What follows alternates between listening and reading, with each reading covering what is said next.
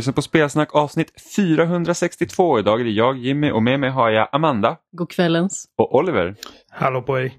Och så har vi Douglas som är tillbaka som gäst idag. Hurra. Välkommen hit Douglas. Hej, tack. Hurra. Igen. Fira ditt, eh, fira ditt medverkande. Ja, Årets ja, första gäst. Lite så.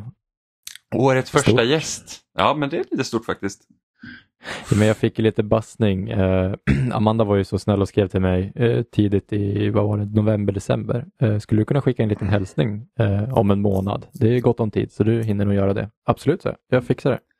Angående förra årets bästa spel. Eh, det hann jag ju absolut inte med. Så då fick jag som straff eh, komma tillbaka och gästa nu istället. Så, men det Ja, gör jag precis. gladeligen. Han och han, det, det, det är ju prioriteringar det handlar om. ja, det kom ett litet fotbolls-VM som jag tyvärr var tvungen att jobba med, vilket gjorde att all tid slukades. Men, Vem bryr sig om fotbolls-VM? Hallå! Exakt, exakt. Jag tycker ju personligen att jag kunde avvarat en kvart någon kväll, men eh, tydligen inte. Så ja, skärpning på mig. Så vilket var förra årets bästa spel då Douglas? Eh, personligen så var det eh, Horizon Forbidden West. Jaha, ja, men det var ju tur att du inte var med då. Det var ju väldigt Exakt. synd att du inte var med Douglas för då hade det varit Horizon i topp. exakt. Ja, ja, det har, vi har spridit den här dåliga smaken. Horizon 3, Elden Ring 2. Ja, nej, Ja. jag ska inte vara sån. Jag tycker inte att Horizon är Forbidden West ett dåligt spel. Det var kul att reta Amanda. Nej. Ja, jag förstår det. Och jag var också lite tveksam, men jag gick tillbaka och började spela om det nu för att ta Platinum inför eh, DLC som kommer snart. Och eh, jag är väldigt nöjd med mitt beslut, har jag insett. Så du, du började alltså om från början? Det var inte så att du körde på din redan existerande sparfil? Nej, precis. Utan jag njuter så otroligt mycket mer av ett spel andra gången jag spelar det. Uh, för att man kan ta storyn med lite lugn och ro. Man har ingen stress. Det är ingen annan som spelar klart och spoilar den och uh, man får bara sjunka in i det på ett annat sätt och njuta. Um, och jäklar, alltså jag tror folk har glömt bort hur framförallt animeringsarbetet är på alla NPCer i världen. Alltså det finns nog ingen värld som känns så levande ur ett karaktärsperspektiv. Jag fattar ju att Elden Ring har massa som händer i världen och sådär, men alltså oh, när man du, pratar med ehm, NPCer och bara går runt i de här städerna, alltså det är, oh, alltså det är Har du, har du spelat eh, Red Dead Redemption 2? Eh, ja, Eh, ja. Det är mitt svar. ja, ja, men det är, ja, absolut. oh, Oliver, Oliver hade inget mer att tillägga. Nej. nu visar, nu visar honom allt. Exakt. Nej, men det, Eh, det är ett jättebra nej, men det är särskilt exempel på... med- alltså det har, jag har inte sett Zero något Dawn. sedan dess. Liksom. Ja, men precis. Det är Det tar ett jättestort eh, hopp framåt. Eh, verkligen, verkligen. Eh, men sen är allt inte perfekt. Jag tyckte det var ett jättesvårt år förra året att utse ett spel som var bäst. Jag tyckte Ragnarök hade bäst story men väldigt tråkigt gameplay. Alltså kul att slåss men det var liksom mycket samma. Eh, tyckte Sifu nästan var typ mitt bästa spel men det var liksom lite tunt i slutändan. Sådär. Eh, många, bra, alltså många titlar som gjorde många olika bra saker men inget som var sådär perfekt och ja, då fick Forbidden West vinna för mig. Jag tror berättelsemässigt var det nog Citizen Sleeper som var starkast faktiskt, men I was a teenage exocolonist var ganska så tätt därefter. Jimmy sitter och flinar för han vet hur mycket jag har spelat det nu den senaste tiden. Amanda spelar jättemycket av det spelet men jag skrattar inte därför. För att Amanda klappade ihop hennes händer som den här skurkiga tvättbjörnen i den giffen. Det var det som var kul. Hon bara åh. Och så små små klapp. Skurkig. Det var det som var kul. Ja, men har, du har väl sett den giffen, den på tvättbjörnen som ser så himla snygg Ja. Så det gjorde Amanda precis när hon pratade om sina eh, favoritspel. Ja, vi är ju väldigt lika. Ja men faktiskt. Säg det, du är liksom hushållets skurk. Faktiskt. Eh, men vi ska ju inte, vi ska inte fastna i eh, gamla spel. 2022 är dött och begravet. Tack och lov. Eh, och vi ska prata om 2023 istället. Det var väl lite hårt kan jag tycka. Ja, nej, nu, jag, jag är stenhård nu 2022. Liksom, de här jävla tvåorna de kan bara dra åt skogen. Eh, och så ska vi prata om eh, kommande spel egentligen. Och, eh, vi har ju gjort nu, jag tror senaste två åren så har vi ju samlat ihop en eh, Senaste tre väl? Eh, nej, det här, det här det här. är väl det tredje året. Där vi egentligen har satt ihop en en eh, lista på tio spel över spel som vi eh, ser väldigt mycket fram emot och sen så har vi också valt tre varsina bubblare. Eh, och nu har vi med dig också Douglas, så du kanske inte har varit så himla Mm. delaktig och skapa den här tio listan men vi tänker att du får, eh, det var trevligt att prata med de här spelen ändå. Eh, Ja, och jag tänkte att vi drar igång helt enkelt och första spelet som jag skrivit upp här är faktiskt Diablo 4. Och jag vet Vi inte... kanske poängtera för folk att det inte är en särskild ordning. Utan Nej, vi har... precis. Det är ingen, vi har inte rangordnat dem som att det är inte som att vi ser mest fram emot Diablo 4 av de här utan vi har bara, vi kommer Eller ta minst. dem i pris.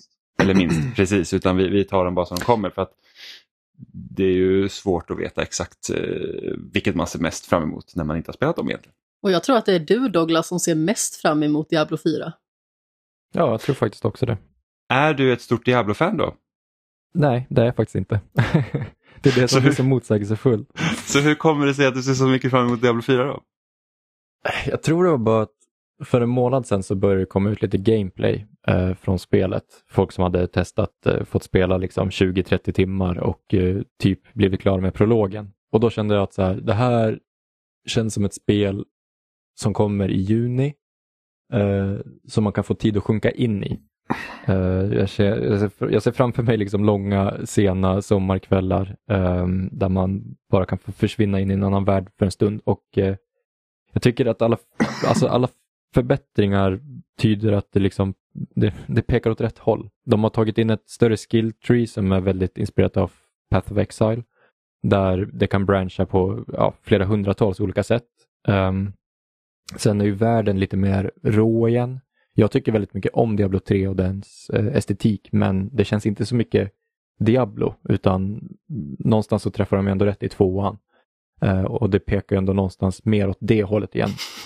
och framför allt så tycker jag att det som eh, får mig att bli mest intresserad av spelet är att de har valt att gå mot en öppen värld där det finns fler instanser eh, runt om i världen och eh, du gör uppdrag eh, på ett annat sätt, mer likt ett MMORPG. Och jag har liksom alltid drömt om att Blizzard ska gå tillbaka till en annan serie som man gjorde med Warcraft och gjorde World of Warcraft och nu då blir det Diablo att man liksom sträcker ut det lite mer. Jag har alltid sett framför mig typ så här World of Starcraft liksom. Det hade varit skitcoolt tycker jag med ett MMORPG där. Nu får vi det i, alltså ish i Diablo istället och jag tycker det är bara en spännande väg de väljer att gå. Uh, och ja, estetik och, och gameplay på förhand ser väldigt intressant ut och ja, därför blir jag väldigt pepp inför det här.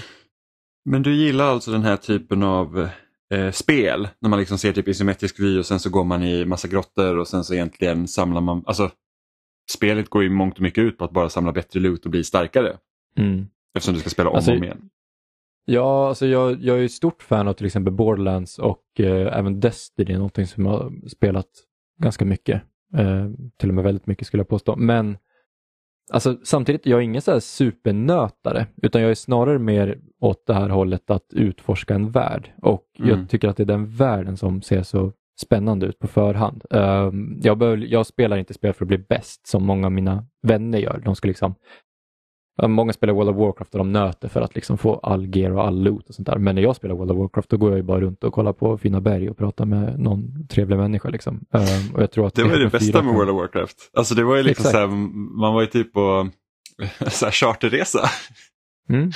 Ja, men Eh, verkligen. mm. Och jag tror att Diablo 4 kan bli mycket mer sådär immersive, att man sjunker in i världen. Att eh, Mm. liksom världen får, får, får vara en skådeplats och man är en, man är en del av den. Ehm, så ja, ser fram emot det med, med mycket tillförsikt. Mm. Jag, jag slogs ju lite för att få ha med Diablo 4 på listan och jag tycker inte om den här typen av spel. Jag, eh, jag har försökt med Diablo 3, jag tyckte inte om det. Jag har försökt typ med Torchlight och andra liknande spel eh, och jag fastnar liksom inte. Men på något sätt så tycker jag att det jag hört av Diablo 4 och det jag sett av Diablo 4 så blir jag ändå väldigt, väldigt nyfiken. För jag skulle liksom vilja förstå varför folk gillar Diablo så mycket. Eh, även om jag förstår psykologin bakom det här att oh, men det är skitkul med loot eh, och bli starkare. Men jag, jag, jag är inte sån här, jag tycker inte om att spela om saker för sakens skull. Eh, och att liksom ett spel går nästan ut på att bara köra om och om igen. Men jag tänker mig att, för att jag tror att jag och Amanda kommer spela här i co-op på en gång och då tror jag att det kan liksom bli en annan grej av det. Och sen just att Mm. andra kommer spela Diablo 4 samtidigt, vilket gör att det är nytt. Eh, vilket också gör att okej, okay, men då, då får man liksom vara med på första svängen på en gång. Vilket jag också tror mm. kan underlätta. Eh, så att jag hoppas att jag kommer gilla den här gången. Jimmy säger att han fick slåss för att få med det på listan och han, och han sa jag vill ha Diablo på listan och jag sa ja absolut. Ja, och jag hade redan skrivit upp den dessutom. Ja. Jag, hade för, ja, men jag, jag fick slåss. Alltså det, det var många gånger det var så här att ja, men ska vi inte slänga Diablo? Jag var så nej. Ah, Absolut nej. inte. Något som, jag bara, vi får ta bort, fördel. Vi tar bort Zelda för Diablo. Exakt. Ja, men Zelda Vad skulle du säga Douglas? Nej, det, något som också talar för spelets fördel är ju att det också kommer på konsol direkt. Vilket gör ja. att den här jag, har alltid tyckt att det finns en så elitistisk liten aura kring Diablo. Att, aha, har inte min maxat den här spellen på det här sättet och klickat de här knapparna på det här tangentbordet och man blir så trött på det. Och nu så kommer det direkt på konsol som eh, helt ärligt är det bästa stället att spela Diablo på. Eh, jag har spelat Diablo 3 både på PC och på konsol. Och konsol är överlägset tycker jag med handkontroll. Så det är också en sak som jag tycker talar mycket till spelets fördel. Jag tror att jag aldrig hade spelat Diablo 3 om inte jag hade spelat det i co-op faktiskt, om jag ska vara helt ärlig. Men det var ju väldigt kul att spela det när man liksom väl satte sig in i det. Och eh, det blev ju ändå en hel del timmar som man la ner i spelet, liksom inklusive annat nedladdningsbart material och sådär, som var extra. Mm. Och jag ser ändå fram just emot den biten i Diablo 4, att eh, spela det tillsammans. Det är inte så jättemånga spel som man faktiskt får spela tillsammans på det sättet. Nej, eh, verkligen inte. Eh, och sen känner jag också att vi har spelat så mycket Vampire Survivors nu. Att jag gladeligen ser framför mig att skapa någon liten karaktär som bara kan typ mörda miljontals fiender på en gång på skärmen och, och vara ganska nöjd med det. Jag tror faktiskt att jag hade något vapen som var i likhet med att kasta knivar, mm. även när jag spelade Diablo 3. Eh, liten lustig grej apropå Vampire Survivors. Jag har ju faktiskt eh, blivit lite allergisk mot spelet. Alltså jag har ju spelat det jättemycket och Eh, bara plöjt ner en massa timmar och det var nästan det enda jag spelade under ja, fem dagar eller någonting sånt.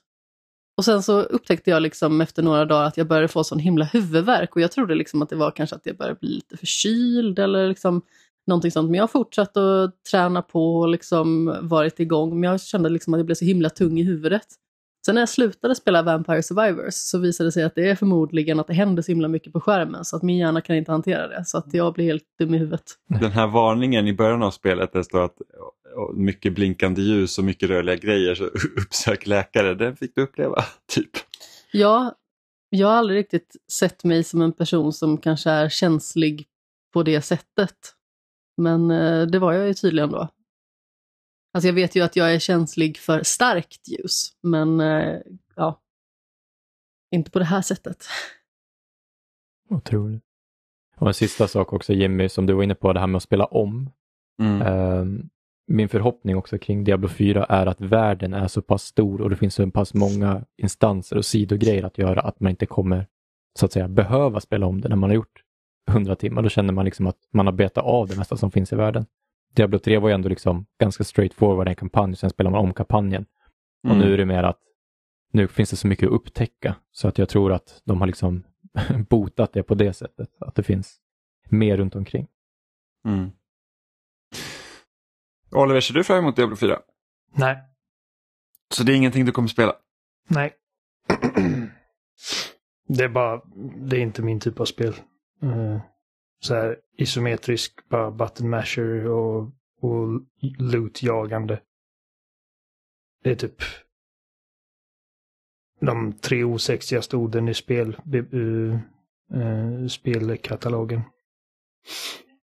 Men du hoppar gärna in i Destiny? Mm, ja, men där det är alltså. Det är ett undantag. Det är en shooter för det första. Uh, och uh, en väldigt väldesignad shooter. jag vet inte. Nej, Diablo har aldrig tilltalat mig. Det är, det är, jag, menar, jag, jag har faktiskt aldrig satt mig ner och försökt spela Diablo. Uh, så att, vem vet, det kanske är en sån grej som att för att verkligen ge det en chans så klickar det. Men jag, vet, jag kan inte komma på många för jag satt och tänkte på nu, nu, nu när, jag, har lyssnat på er prata om det. Eh, försökt komma på, liksom, okej, okay, finns det något spel som jag förälskat mig i som påminner om Diablo? Liksom, alltså bara sättet man spelar det på. Jag tror fan inte det alltså. Jag tror att det är det som, eh, som är lite av ett hinder för mig när det kommer till att komma in i Hades också. Mm. Um, Ja, av någon anledning så är jag svårare att ta mig in i spel där man har den isometriska vyn. Och jag förstår liksom inte varför. Det är samma sak när jag har testat eh, spela så här Pillars of Eternity. Eh, som man också ser isometrisk vy, men det är ju ett rollspel. Och det är så att jag kommer liksom inte riktigt in i världen. Av någon anledning. Jag förstår inte varför. Jag tror att du känner dig emotionellt frånkopplad från karaktären. Men kanske. Men det är liksom... Alltså har du en vanlig tredjepersons vy, då ser du karaktären väldigt tydligt. Har du en första persons vy, då ser du det ur karaktärens ögon. Men jag tror att det liksom blir en kanske distans men som är, är svårhanterlig. Alltså ta typ Citizen Sleeper. Ja men där har du inte ens en karaktär Nej, att liksom precis, placera men... runt. Utan då kanske du lite mer får det här som första persons perspektivet, att det är du som ser det här. Kanske, men sen tänker jag typ på andra så spel, alltså äldre spel, typ så Silent Hill och Resident Evil och även typ Signale som jag spelar nu liksom tidigare. Det är också lite mer ovanifrån där man ändå inte, det är ändå också känner mig liksom att jag kommer in För mig tror jag inte det handlar om liksom emotionellt på något sätt utan det är mer liksom förmodligen mer åt liksom taktilt att jag inte gillar hur det känns att styra ett spel på det sättet. Mm. Um, för eh, jag vet inte, liksom om man kollar upp typ 2D-plattformare, liksom, det, det, är ju inte tredje person eller, eller um, första. Och det har jag inga problem med. Men liksom att slåss i det perspektivet. Ja, nej. Men jag bara tycker inte det är kul. Jag tror bestämt att vi traskar vidare till nästa spel och det här vet jag att Amanda ser väldigt mycket fram emot och det är ju Fire Emblem Engage. Och det kommer ju jättesnart. Det kommer väldigt snart ja. Jag vet inte riktigt hur länge jag faktiskt har peppat på att det ska komma ett nytt Fire Emblem-spel. Alltså innan det utannonserades. Så varje gång det liksom var en Nintendo Direkt så satt jag liksom att nu, nu, nu, nu. Och så kom det aldrig och sen så kom det helt plötsligt i höstas. Ja, väldigt eh, kort eh, kort tid mellan utannonsering och släpp. Ja, men det känns ju lite som Nintendos varumärke egentligen, att de eh, droppade från ingenstans egentligen. Ja, med vissa spel. Sen sitter ju andra och väntar på Metroid Prime 4. Ja, det är i och för sig sant. Eh, men vad hoppas du på med nya Fire Emblem då? Alltså jag hoppas ju att det ska vara i likhet med Three Houses. För att det känner jag egentligen var det ultimata Fire Emblem-spelet av allt det jag har spelat egentligen. Så när man var klar med det spelet så kände man ju att man bara ville ha mer i samma stuk. Så jag hoppas liksom att det kommer vara någonting i den stilen. Mm. Och det fanns ju väldigt många olika berättelser att utforska och det som faktiskt gjorde Three Houses så himla bra var ju det liksom att man kände att man fick lite närmare kontakt med karaktärerna som är runt omkring egentligen. För det har jag känt liksom tidigare i de här eh, 3DS-spelen att ja, men, det är jättebra spel och det är fantastiskt roligt att faktiskt spela striderna. Men jag bryr mig liksom inte så himla mycket om karaktärerna och här har man också lite mer valmöjlighet i vilka man liksom vill, vill satsa på när det gäller interaktion och här behövde ju också karaktärerna i det huset som man liksom hade hand om, eller det elevhemmet så att säga, eh, de behövde ju liksom också samarbeta i olika stadier liksom för att kunna bygga relationer och faktiskt vara bättre på slagfälten. Så jag uppskattade det väldigt mycket, så jag hoppas att de fortsätter lite i det stuket. Det kom ju ut en del förhandstittar nu i eh, slutet av förra veckan eh, om Fire Emblem. Då. Och då, på förhand så ser det ut som att det går mer åt de traditionella Fire Emblem-spelen. Så att du har inte det är mer av en linjär berättelse och du har liksom inte samma relationsbyggande som det var i Three Houses, även om det ska finnas någonting där. Men jag vet inte hur, eh, hur avancerat det är. Men det är inte lika mycket persona som Three Houses var. Ska du krossa hennes drömmar redan? Ja, tyvärr. Ja, det är dålig stil. Ja, det är dåligt. Eh, jag gillar också Three Houses men eh, mitt största minus med det spelet var just det att jag kände att jag inte ville vara bunden till en plats på det, på det sätt man var. Utan jag ville liksom ha det här, att man, nästan som en krigskampanj, att du tar dig från ena sidan av kartan liksom till andra och går igenom på det sättet. Sen så var du ju så otroligt obekväm med tebjudningarna. Ja, ja, man fick sitta och ha tebjudning där och så skulle man liksom hitta något rätt svar för att den som man dricker te med ska bli nöjd. Det kändes ju oerhört eh, obekvämt och olustigt. Man bara, men här är jag liksom typ, jag vet inte, var man typ rektor på skolan? Nej det var man inte, man var... Man är lärare för ett specifikt elevhem. Ja just det, så var det. Och sen ska man bjuda sina elever på te. Och typ flörta lite med någon och det känns väldigt konstigt. Jag var så himla nöjd när jag fick en perfekt tebjudning. Ja, men det var ju så här, och man var, jag vet inte ens vad jag svarar på de här alternativen. Det kändes ju allt bara konstigt. Kommer snusktanten. Ja, men det låter lite som dig. Vad säger Douglas om Fire Emblem? Alltså jag spelade Three Houses men jag, jag fastnade inte riktigt i det. Uh, och sen har jag varit liksom pepp på Engage från och till.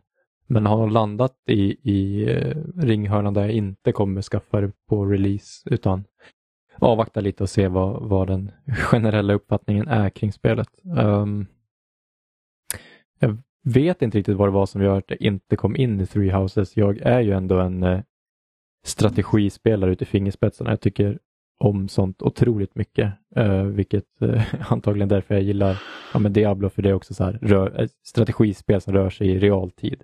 Jag gillar liksom den vin Eh, och på samma sätt gillar jag stridsfälten liksom i Fire Emblem. Men eh, jag tror det bara var att jag spelade kanske i fel tid. Det kändes liksom stort att ta sig an. Um, så jag är ju snarare mer så här att när Engage kommer så kanske jag går tillbaka till Three Houses och ger det en, en ny chans. Uh, det äger jag ju liksom ändå redan.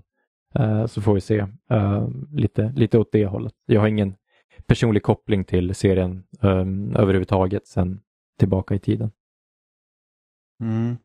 Jag var ju en flitig Roy-spelare i Super Smash Bros Melee så att, uh, det, var, det var därför jag började spela Fire Emblem egentligen. Och jag på grund av Marth. Ja.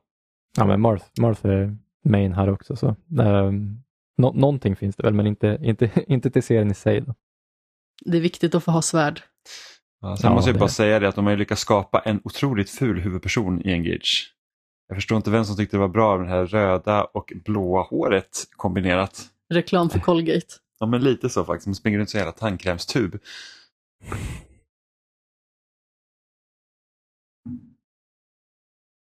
Men eh, vi kommer ju snart få veta om Fire Emblem är bra eller inte. Och sen har vi ett annat eh, spel på listan som är Final Fantasy 16. Eh, och det här är väl nog ett spel som nästan... Det är nog jag som är nog mest fram emot det här inne. Om inte du gör det Douglas. Jo, men det gör jag. Eh, det gör jag. jag. Jag är ju en av de som spelade igenom Final, Fantasy 15.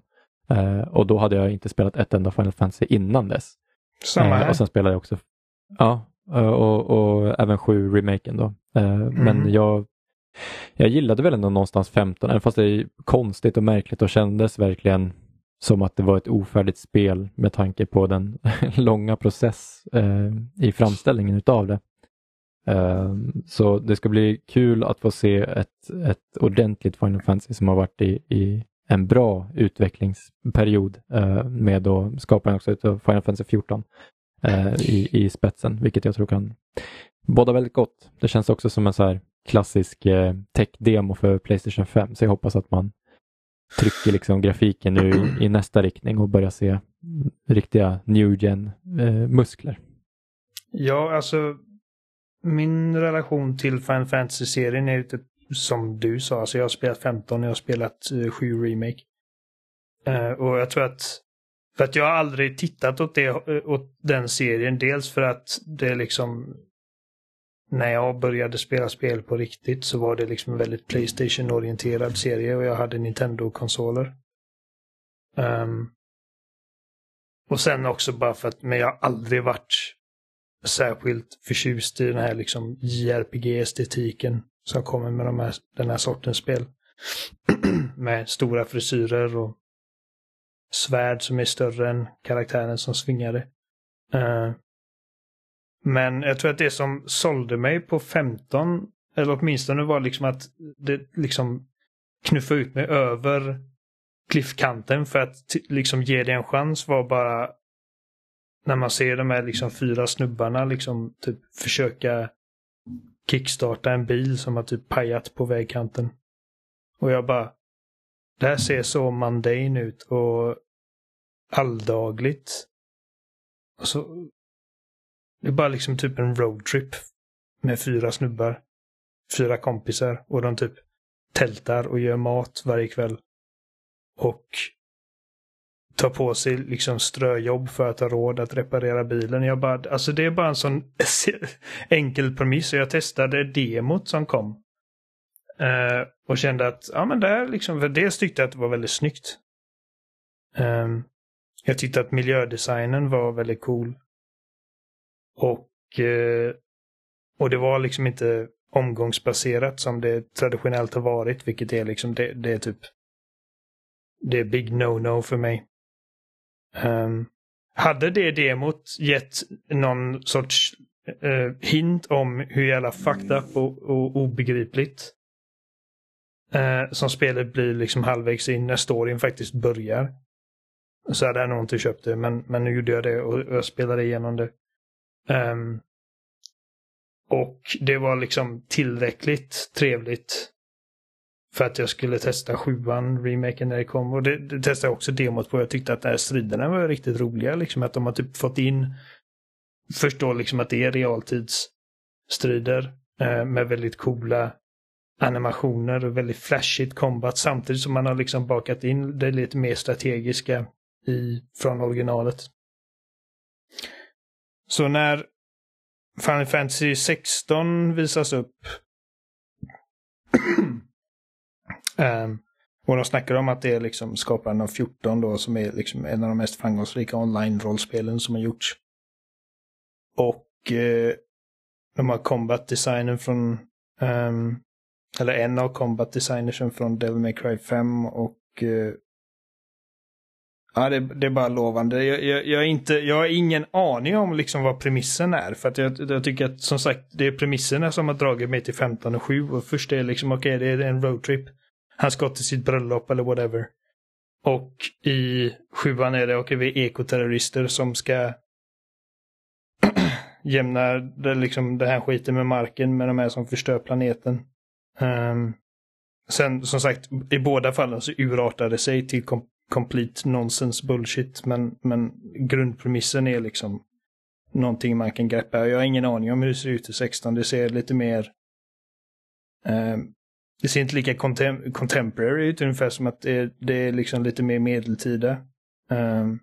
Ja, det återgår lite mer till fantasy-rötterna snarare än att Precis. vara liksom, jag vet inte vad man kallar det, typ future fantasy. För både, både 15 och, eh, och 7 är ju, de är ju lite mer liksom modern day. Även om det fortfarande är liksom massa svärd och magi och skit så är det ändå liksom folk som har kulsprutor och helikoptrar och grejer. Och här ser det ut att vara, vara väldigt mer, liksom, ja, ett kungarike. Och häst och vagn och liksom eh, romans ute i halmen. Jag vet inte. Uh, grafiskt tycker jag, alltså jag vet, för att jag reagerar på när du sa det Douglas, att liksom att du typ kan spänna på musklerna. Jag tycker att grafiskt så ser det inte alls lika bra ut som 15 gjorde när det kom. Jag tycker, alltså detta ser mer... Um, för det tänkte jag, ja, när jag såg trailern, jag bara ah, okej, okay, så att det är anledningen till att det inte kommer ta tio år för dem att göra det här spelet, är för att det inte är lika snyggt. Jag tycker inte det ser jättebra ut. Nej, alltså trailern var väl lite undermålig. Sen har jag sett screenshots också eh, från nästan ett tidigare stadie och det var så här, wow det här kan bli något riktigt bra. Um, ja, nej, nej, alltså, när jag säger att oh, det här ser inte jättebra ut, då menar jag inte att det är fult, för det är det verkligen inte. Jag bara, jag bara kände att... Uh, för att uh, jag, jag har alltid sett det lite som att Final Fantasy-serien, liksom, när, när mainline-spelen kommer så är det liksom att det, det, är riktigt snygga spel. Nästan så att maskinerna inte klarar av dem riktigt. Mm. Och uh, i det här fallet ser det mer ut som att ah, men nu håller vi inom, liksom, vi håller oss inom rimliga gränser. vi, ska, vi vill att det ska liksom kunna flyta på ordentligt. Eh, och att det inte ska ta hundra år för vårt team att få ut det genom dörren. Nej, Final precis. Fantasy 7 Remake var ju nästan vidrigt snyggt. Ja, det ser bra Mm. ut. Och där kommer ju det- faktiskt alltså Rebirth som är eh, tvåan för Final Fantasy 7 eh, ska ju också släppas i vinter. Så att om det hamnar på 2023 eller 2024 det vet vi inte än men det, det är också på väg. Ja. ja, men vi snackade Mm. i, i, på förhand ifall vi skulle sätta Final Fantasy se- 16 eller Rebirth på listan. Och jag tror att vi kom överens om att eh, alltså vi ser fram emot Rebirth. Eh, men 16 är lite mer spännande helt enkelt för att det är liksom någonting helt nytt. Och, att, och sen också att det, det har större chans att faktiskt komma i år än vad Rebirth har. Mm. Eh, för att det har väl nästan fått, har inte det fått ett datum till och med? Är det juni? Eh, juni ja. Ja. Mm. Ehm, så nej, alltså... När det- Ja, Amanda. När det gäller min entusiasm för respektive spel så är det ju definitivt den här futuristiska dystopi-fantastiken som eh, lockar mest, absolut. I Ja. Final Fantasy 7 Eh, Rebirth. jo. Men samtidigt så är det ju också så liksom att Final Fantasy 16 är också ett helt nytt spel i huvudserien. Så det kändes ändå mest rimligt att ha med det på listan. Och precis som du säger, eh, chansen att Final Fantasy 7-remaken, eller fortsättningen av den rättare sagt, kommer ut i år, Eh, den vet man ju inte exakt vad den är. Nej. Ja, men jag tror jag håller med dig, att jag är mer inne på den, på den typen. Eh, för att det är det jag känner till. Liksom. Jag har inte spelat något av de mer fantasy. Final Fantasy-spelen. Um, och det är mycket möjligt att när vi liksom avrundar året i liksom, ifall båda de här två spelen släpps i år så är det mycket möjligt att jag tycker att Rebirth var ett bättre spel än vad 16 var. Det vet jag inte, men ehm, jag är definitivt mer nyfiken på 16. För att men, Rebirth känns som att okay, ja, vi vet vad vi ska förvänta oss. Det är fortsättningen. Det är liksom den andra tredjedelen av Final Fantasy 7. Så att, ehm, Mm. ja. Jag tycker bara art direction och sånt på förhand ser väldigt spännande ut i 16. Det ska bli kul att få se drakar i den moderna generationseran och alla de här, eh, de här titlarna som är så typiska för Final Fantasy med eh, alla krumelurer och, och text och siffror och sånt där. Jag tycker den är så jäkla snygg med de här drakarna som åker runt och håller på i den där. Eh, Så, Ja. Kommer ni ihåg när Final det- Fantasy cover, estetiskt ser det spännande ut. när, när Final Fantasy Box Arts var bara liksom loggan på en vit bakgrund. Mm. Det var ganska snyggt. Ja, de ändrade det med 13. Ja, och det blev skitfult plötsligt. Jag bara, ja, skitfult.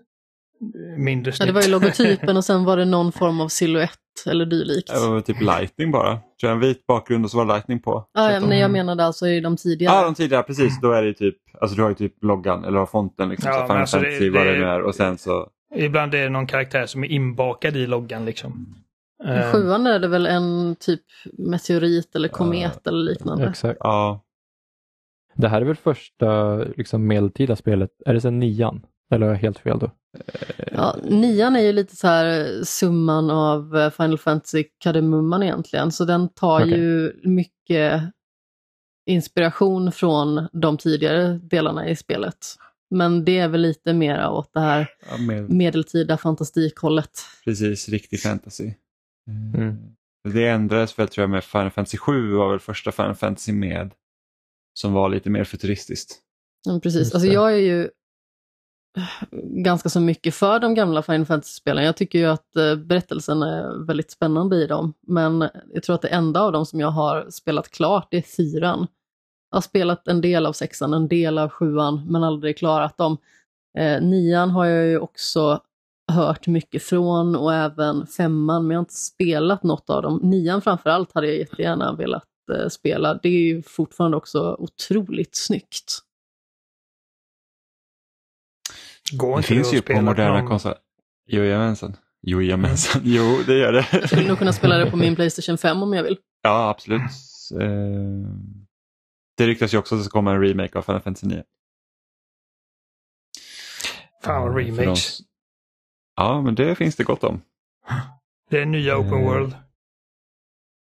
Ja, jag undrar om inte jag tar då hellre remakes av Jo, populära ja, ja. spel än, än att ta jättemånga open world. För att det var fan jobbigt där ett tag.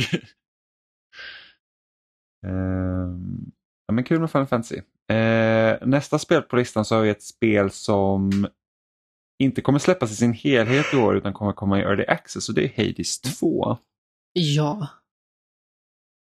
Ja, Det visste jag inte att, man- eh, att det kommer i Early Access. jo det ska komma i Early Access först innan det släpps. Precis som Mm. att eh, första Hades gjorde det så kommer även Hades 2 göra det. Och eh, när jag såg utannonseringen av det här spelet så kände jag bara att det här behövs ju inte och jag tycker att det känns väldigt okaraktäristiskt för Supergiant Games att gå ifrån liksom sin formula av att eh, maximera det de vill ha utav en upplevelse och lever- leverera det och sedan gå vidare helt ifrån det.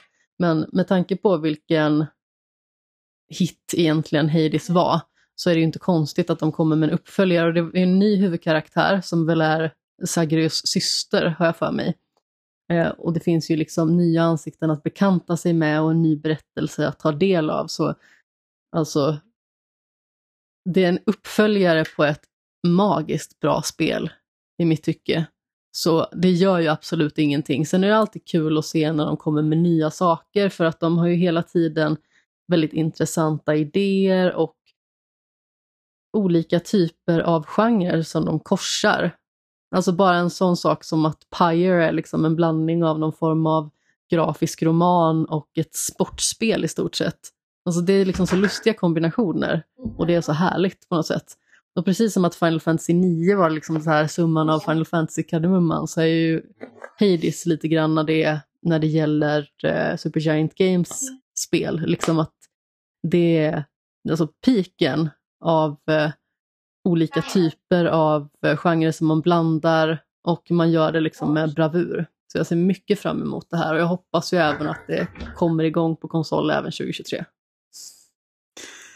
Jag undrar vad de ska göra i det här spelet liksom som, som eh, gör att det kommer liksom kännas eh, nytt och fräscht och inte vara liksom typ mer av samma. Jag förstår ju typ att man kan så här, ah, nya typer av vapen och på det sättet ändra om. Men jag undrar om de har något så här S i rockärmen som gör att det kommer liksom sticka ut ännu mer mot originalet. Det kommer nog vara väldigt mycket av samma men förmodligen så har de ju någonting på lur. För jag menar det är liksom smarta spelskapare som alltid liksom har en baktanke med det de gör. Alltså de har ju liksom en väldigt tydlig vision, de har väldigt tydlig målbild på något sätt. Så jag antar liksom att det, det är någonting lurt som, som de har tänkt sig för att göra det här till en liksom utstickande upplevelse som inte bara är mer av Hades.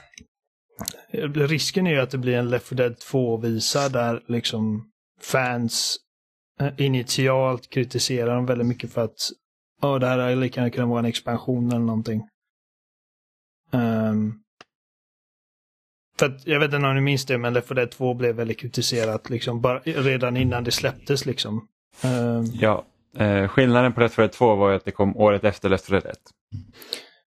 ja, De precis. släpptes ju med ett års mellanrum bara medan Hades kom 2018. 2019 Ja. tror jag att det kom i Early Access och sen så kom det till konsol 2020. Och kom ur Early Access. Var det inte två år i Early Access innan det släpptes helt och hållet? Jag minns ej. Det kom ut sent. Ett och ett halvt år tror jag. För det kom ut sent. Kan ha varit sent 2018 och sen så typ släpptes det i sept- Ja, augusti eller september 2020 släpptes det. ah, till Switch. Ja, september måste det ha varit för att eh, jag hade med det till bowlinghallen och du också tror jag. Ja.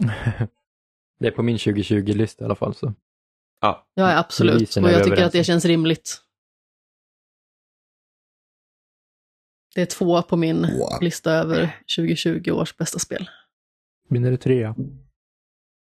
Ja, alla älskar Hades, förutom jag. Och det är inte för att jag tycker illa om Hades, det är bara att det är liksom så inte vad jag är, det är inte min comfort zone. Du är helt enkelt en farlig människa som man ska akta sig för. ja, så kan man väl se det. Nej, men det, dels så är det isometriskt eh, liksom eh, button mashande och sen är det också liksom en roguelite med typ random genererade banor. Det är typ två typ, ja men liksom ungefär som makrill för dig. Åh fy. Kom kombinerat. Nämn det inte. Bara något som, jag, något som bara, inte, bara inte går ner för mig liksom. Eh, Alltså jag tror faktiskt att jag hatar makrill mer än vad du hatar Hades, jo, jo, det gör jag. Eh, eller gör du? Jag hatar det med Eh, passion. Alltså jag, Men är jag det säger det mak- makrill någon makrill gång. eller makrill i tomatsås?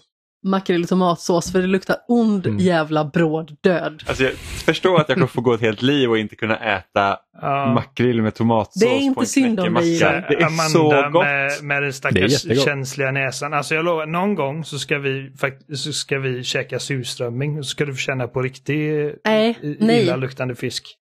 Alltså Jimmy Eh, vet hur känslig näsa jag har. Ja, men Amanda, Så- det är surströmming eller makrill i tomatsås. Du får välja ett av dem.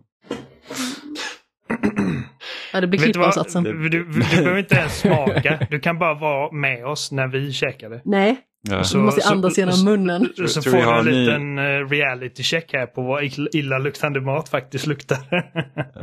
Ja, fast jag tycker verkligen att det är fruktansvärt. Liksom, även om surströmming kanske eventuellt är värre, eh, så det finns ingenting som slår makrill i tomatsås för mig. Alltså jag tycker att det är så vidrigt så att jag vet liksom inte vad jag ska ta mig till. Och det går liksom typ inte att gömma för mig heller. Eh, jag har liksom varit i situationer där jag har kommit hem. Burken Inte har... med mig, inte Nej. jag. jag kan Inte- se inte Jimmy med stå i Jimmy. köket och bara nej, ja, det, det är weird. nej, men jag, jag har kommit otrogen med hem makrill. och så är burken är slängd och det, det är liksom uppätet. Men tallriken där det har varit på är fortfarande framme. Och jag, liksom, jag kan inte hantera det. Det luktar så illa så jag blir passivt aggressiv. Jag bara ser det framför mig att Amanda öppnar ytterdörren och så ser hon så här lite röda spår på golvet och sen ligger ett aluminiumlock. Och sen så sitter jag i sängen och svullar i mig makrill med tomatsås. Jag tycker att tonfisk på burk luktar värre. Alltså. Ja, det luktar inte geléhallon heller faktiskt. Ja, men det får jag faktiskt äta. För jag, skulle du. inte, jag skulle inte säga att jag tycker att makrill i tomatsås luktar gott. Men jag tycker, det, jag, tycker det, jag tycker det är gott. Men det är inte så att jag bara, åh, det vill jag ha som deodorant. Alltså det Men, luktar eh, som att någonting har dött och sen så har man bajsat ut det, ätit upp det och sen spytt upp det. Jag får åka hem till dig Oliver och äta makrill i tomatsås. Ja, det får du göra. Och det är som varje gång Amanda drar den jämförelsen så säger jag Amanda har inte faktiskt luktat på någonting som faktiskt är dött. Nej, men jag kan tänka mig hur det luktar. För att jag är helt säker på att makrill luktar så. Det- kan nog vara bland det värsta. Vi hade en sån här typ um, likbil för djur som eh, behövde komma och hämta en häst som hade dött hos oss. Eh, och fy fan vad det stank. Alltså Ja. det var, alltså det är liksom, alltså det typ låg över hela gården i typ två timmar efter att bilen hade lämnat. Bara kände man luktade död och ofta, Känner man lukten av makrill? man, eh, det är ofta så man märker också, typ alltså när grannar märker att åh, det är någon som har dött i lägenheten intill för det stinker arsel. Eh, så att, ja, usch. Naturligtvis, nu- jag nu- har inte känt lukten av någonting som har dött och det är kanske är en dålig jämförelse men Nej, men jag... ni förstår hur illa jag förstår. verkligen tycker att det luktar. Fruktansvärt. Det är liksom, jag blir förbannad bara jag tänker på det. Jag blir lite hungrig på makrill. Jag har varit också lite sugen. Ja, eller hur? Det är så jäkla gott på knäckemacka. Man tar lite smör, hemma. på med makrill. Ja, ja, mm, gott. Nästa spel. jag ska handla imorgon. Näst, nästa spel har vi eh, tillägnat våra Horizon-fans och det är Horizon Call of the Mountain. Mm. Ja, eller våra VR-fans kanske också. Ja, eh, ja VR-fans precis. Och är man VR-fan och ett Horizon-fan då är det verkligen två tummar upp. Ja, absolut. Call of the Mountain är en bra stand-in också bara för liksom att ja, vi ser fram emot PSVR 2. Ehm, och jag menar, det är ju flagg, Call of the Mountain är ju flaggskeppstiteln liksom. Som av alla spel som släpps, sär, särskilt alla de nya spel som släpps, är det ju det som ser mest spännande ut. Ja, det kommer bli en Horizonig hel eller helg, eh, vår också. För att eh, sen så kommer ju även Horizon Forbidden West Burning Shores i april. Så Mm. jag ser fram emot båda de titlarna faktiskt. Vad ser du mest fram Eh, emot? Bur- jag tror faktiskt att jag ser fram emot Burning Shores mest med tanke på hur mycket jag tycker om eh, Forbidden West liksom i Mm. sin helhet.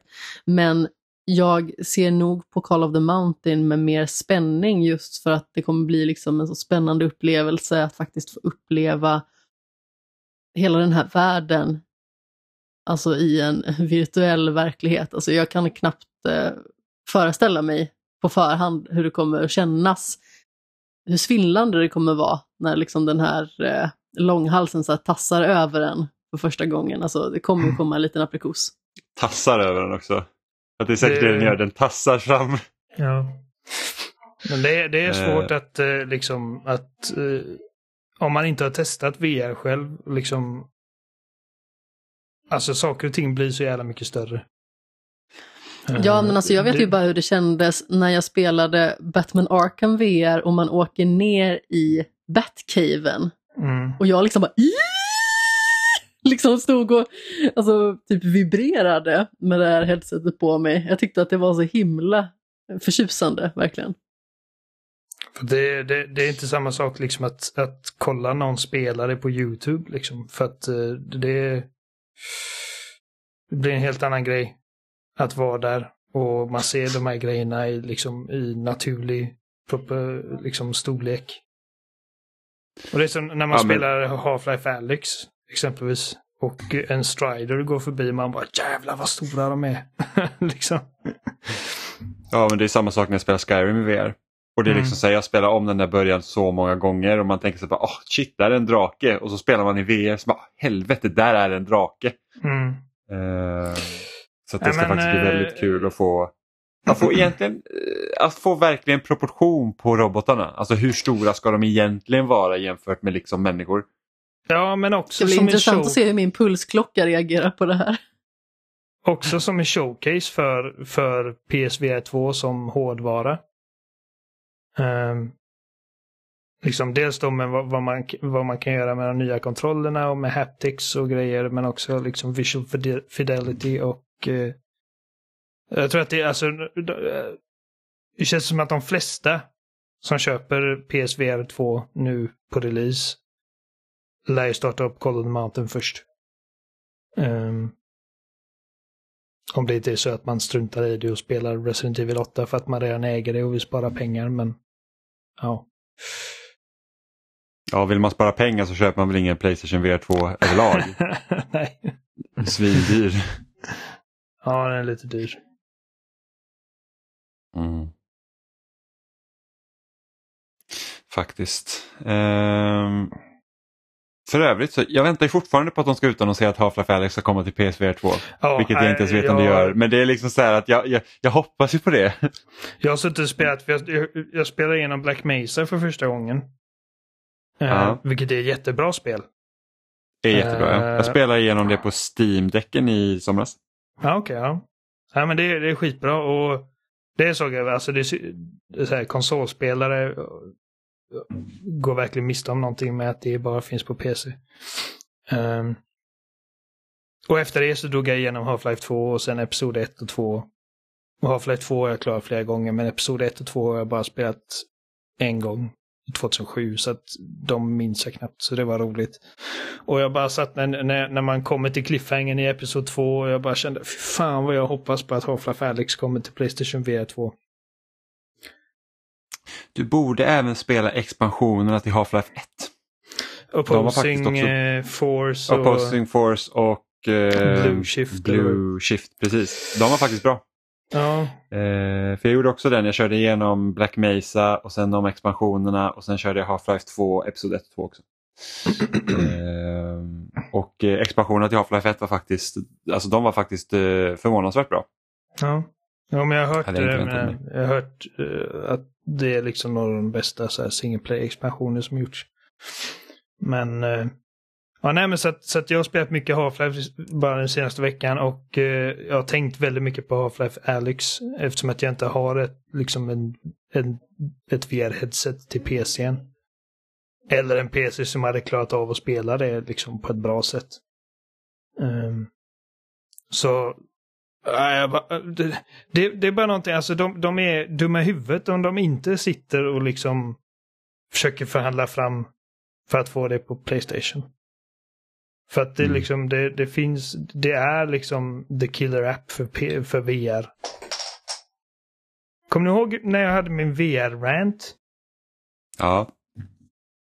Alex ändrade på det. Liksom. Känner du ett VR-fan? Du börjar äta upp Ja. allt VR. Ja, men jag, liksom efter det så bara, okej, jag ser poängen med liksom vilken typ av upplevelse som man kan få på VR som bara inte går på ett annat sätt. Och det är liksom inte nödvändigtvis bättre än att spela liksom bara ett vanligt spel på din vanliga konsol i soffan med en vanlig tv. Men det är en helt annan grej som, som inte går liksom att replikera. Och eh, det finns så mycket coola grejer man, man, kan, man kan göra med VR. Och så många liksom sensations som inte går att översätta på något annat sätt. Liksom att, att, att sätta dig i, i City 17 och att du verkligen känner som att du är där. Och, Mm. och att du liksom väjer med huvudet för att en headcrab håller på att sätta sig på skallen på dig. Ehm. Det, nej, så att, så att jag, alltså, jag har liksom varit så här stark VR-motståndare. Bara fan vilket skräp. Till att liksom verkligen... Ja, nej men det, det här är... Och det är en sån grej, alltså jag... Jag kan fortfarande, för att i, i, i Half-Life Alyx så... du har ingen gravity gun men du har en typ gravity glove. Och det är liksom att du Mm. kan liksom på avstånd dra till dig typ Ehm, pistolmagasin, granater, alltså eh, föremål. Genom att liksom knycka med handleden. Och så kommer det till handen. Och det satte sig i muskelminnet liksom så, så starkt i mig att jag ofta drömmer att jag drar till mig saker med att liksom knycka med handleden. Liksom så att, så att det, det är en sån weird grej liksom att det är typ som att min kropp har liksom tagit liksom en spelmekanisk grej och gjort det till en fysisk rörelse som sitter i ryggmärgen. Och det är... Ja, nej, det är alltså so, Sony, ni måste få det att hända alltså. För att eh, liksom hårdvaran, jag tror att hårdvaran är liksom adek adekvat för att liksom göra Alex rättvisa. Och särskilt Mm. eftersom att liksom storyn i det spelet ändå är så pass jävla viktig till vad som vad som Hur ett händer. potentiellt Half-Life 3 ska kunna vara. Precis. Och eftersom att Half-Life 3, men när det väl kommer så lär det komma till konsol också. Så att, att, att, att ha Alex Om, en... om det inte är ett VR-spel. Ja, ja, ja. Det, det tror jag i och för sig inte. Ehm, om man verkligen Man vet ska aldrig liksom... med s- Nej, man vet aldrig med väl. Men, men, men magkänslan säger ändå liksom att ifall de skulle stå, slå på den stora trumman och göra liksom ett ordentligt Half-Life 3 så vill man liksom att det ska ut till en så stor skara som möjligt. Och, och VR är liksom ändå fortfarande en ganska liten installbase av alla potentiella gamers. Jag lyssnade på en annan podd idag där de pratade om Dota 2. Eh, och liksom de problemen som finns kring det spelet med liksom balans och, och innehåll som kommer till det spelet. Och, och så sa den ena så här. Han vet inget annat spelföretag som har ett spel med den stora spelarbasen där liksom de bara känner typ så här för att uppdatera det. Eh, Precis. det är Valve, liksom, Valve behöver inte göra någonting de inte känner Nej. för. Liksom, alltså, allting de gör är liksom ett passionsprojekt. De behöver inte göra någonting för att liksom för att vara miljonärer. ja. Eh. och, eh, och de sitter också på, enligt den här samma person då, Digital Walmart utan konkurrens. Ja, Så. precis. Det, ja, det är knepigt. Och jag tror att det Eh, som min- håller Half-Life 3 undan lite är liksom att okej, hur ska vi nå de förväntningarna? Då, vi struntar i det. Ifall, ifall de inte är liksom, när, fram tills de har kommit till den punkten, okej nu har vi någonting som kommer blåsa folk i stolen. Mm. Ja, man får hoppas. Eh, min dröm för Playstation VR 2 det är också faktiskt att spela Among Us med eh, x antal eh, kompisar man känner i VR. Ja, det hade varit kul. eh, Men då måste man det- få ihop, de- vad är det, typ åtta VR-headset. Man måste, man måste ha lika kompisar. ja, precis. Eh, men det hade ju varit sjukt. Alltså, jag har ju sett eh, trailern för Among us VR så många gånger och det är bara så att det här spelet gick från att vara liksom ett roligt liksom så här whodunit till typ skräck. Ja, det, det ser jätteroligt ut. Jag tyckte det var skräck redan. Ja, jo, men tänk, tänk då att du liksom inte kan ha en överblicksvy och liksom helt plötsligt så vänder du om och så står någon där och du bara så här, det där kan vara mördaren. Liksom. Eller att du vet vem mördaren är och så ska du springa till den där jäkla knappen och veta att någon flåsar i nacken. Och så ska man köra med så här proximity voice chat och grejer. Det hade varit superroligt verkligen. Uh, de har utannonserat att Beat Saber kommer. De har inte satt datumet på det men det kommer. Nej, för att det är under uh, utveckling och det är så här... Oh. Alltså och, att, eh, PSVR 2 är inte bakåtkompatibel med ettans spel, det tycker jag är så jävla tråkigt att de inte löste. Ja, det är synd. Och Gran Turismo 7 kommer ha ett VR-läge så, så det, det blir roligt att testa. Ja, det kommer inte jag testa. Nej, men jag, jag, har, jag har Gran Turismo 7 så det ska jag mm. testa. Är det, är det då du bara säger yes nu har jag mitt VR-headset, nu jävlar beställer vi den här stora, nu, nu, blir det ratt och stol och eh, typ 4D-grejer. jag var så nära uh, på att köpa den skiten men det är så jävla dyrt. Och du hade förmodligen inte använt det speciellt mycket heller. Nej, det är ju det. Ska, inte du, så att det hade varit värt det. Och så bara, ah, var den kompatibel med din PS5? Ja, det var, det var, det var så jag liksom snackade ner mig från, från den eh, liksom cliffkanten. Ja, eh, ja verkligen. Cliff, klippkanten. Cliff, cliff, eh, min cliffkant. Min cliffkant. Um, ja, så ska man också kunna säga. För att jag bara liksom, ska, ska jag lägga så här liksom, vad är det typ, alltså 15 000 på att spela ett spel. Nej. ja, nej. Det, då får man ju verkligen vara liksom ett stort racingfan. Ja, enormt racingfan. Ja. Eh, ett annat spel som också kommer ut nästa år det är ju Marvel Spiderman 2. Mm. Mm -hmm. Vilket ska mm. bli riktigt trevligt. Är det någonting du ser fram emot Douglas? Ja, och framförallt för att jag har ju bara spelat, eh, jag har inte spelat eh, den upphottade versionen av Spiderman till PS5 utan jag har bara spelat den till PS4. Mm. Men jag har varit sugen på att återvända eh, till PS5-versionen. Så det ser jag fram emot att göra inför tvåan som, eh, ja, det blir nog hur bra som helst. Eh, första var ju ja, fantastiskt och jag tyckte Miles Morales var bättre. Eh, mer ja, det är bra Douglas. Eh, du och jag. tillsammans mot eh, alla andra. Eh, nej, men mer fokuserat, eh, superhärlig story, bra musik. Uh, så att slå ihop de två världarna så får väl det ultimata Spiderman-spelet. Uh, om, om man ska tro det här rätt. Insomniac är otroliga. Allt de gör är guld. Det här blir, det här blir toppen. På, med tanke på hur bra det har sålt så är det väl ingen som inte ser fram emot det spelet. Så att... Nej, jag, jag menar, det är inte så mycket man kan säga liksom eh, om vad man hoppas på eller vad, vad, vad man tror. Alltså det är bara det är uppföljaren på Spiderman och det var skitbra. Mm.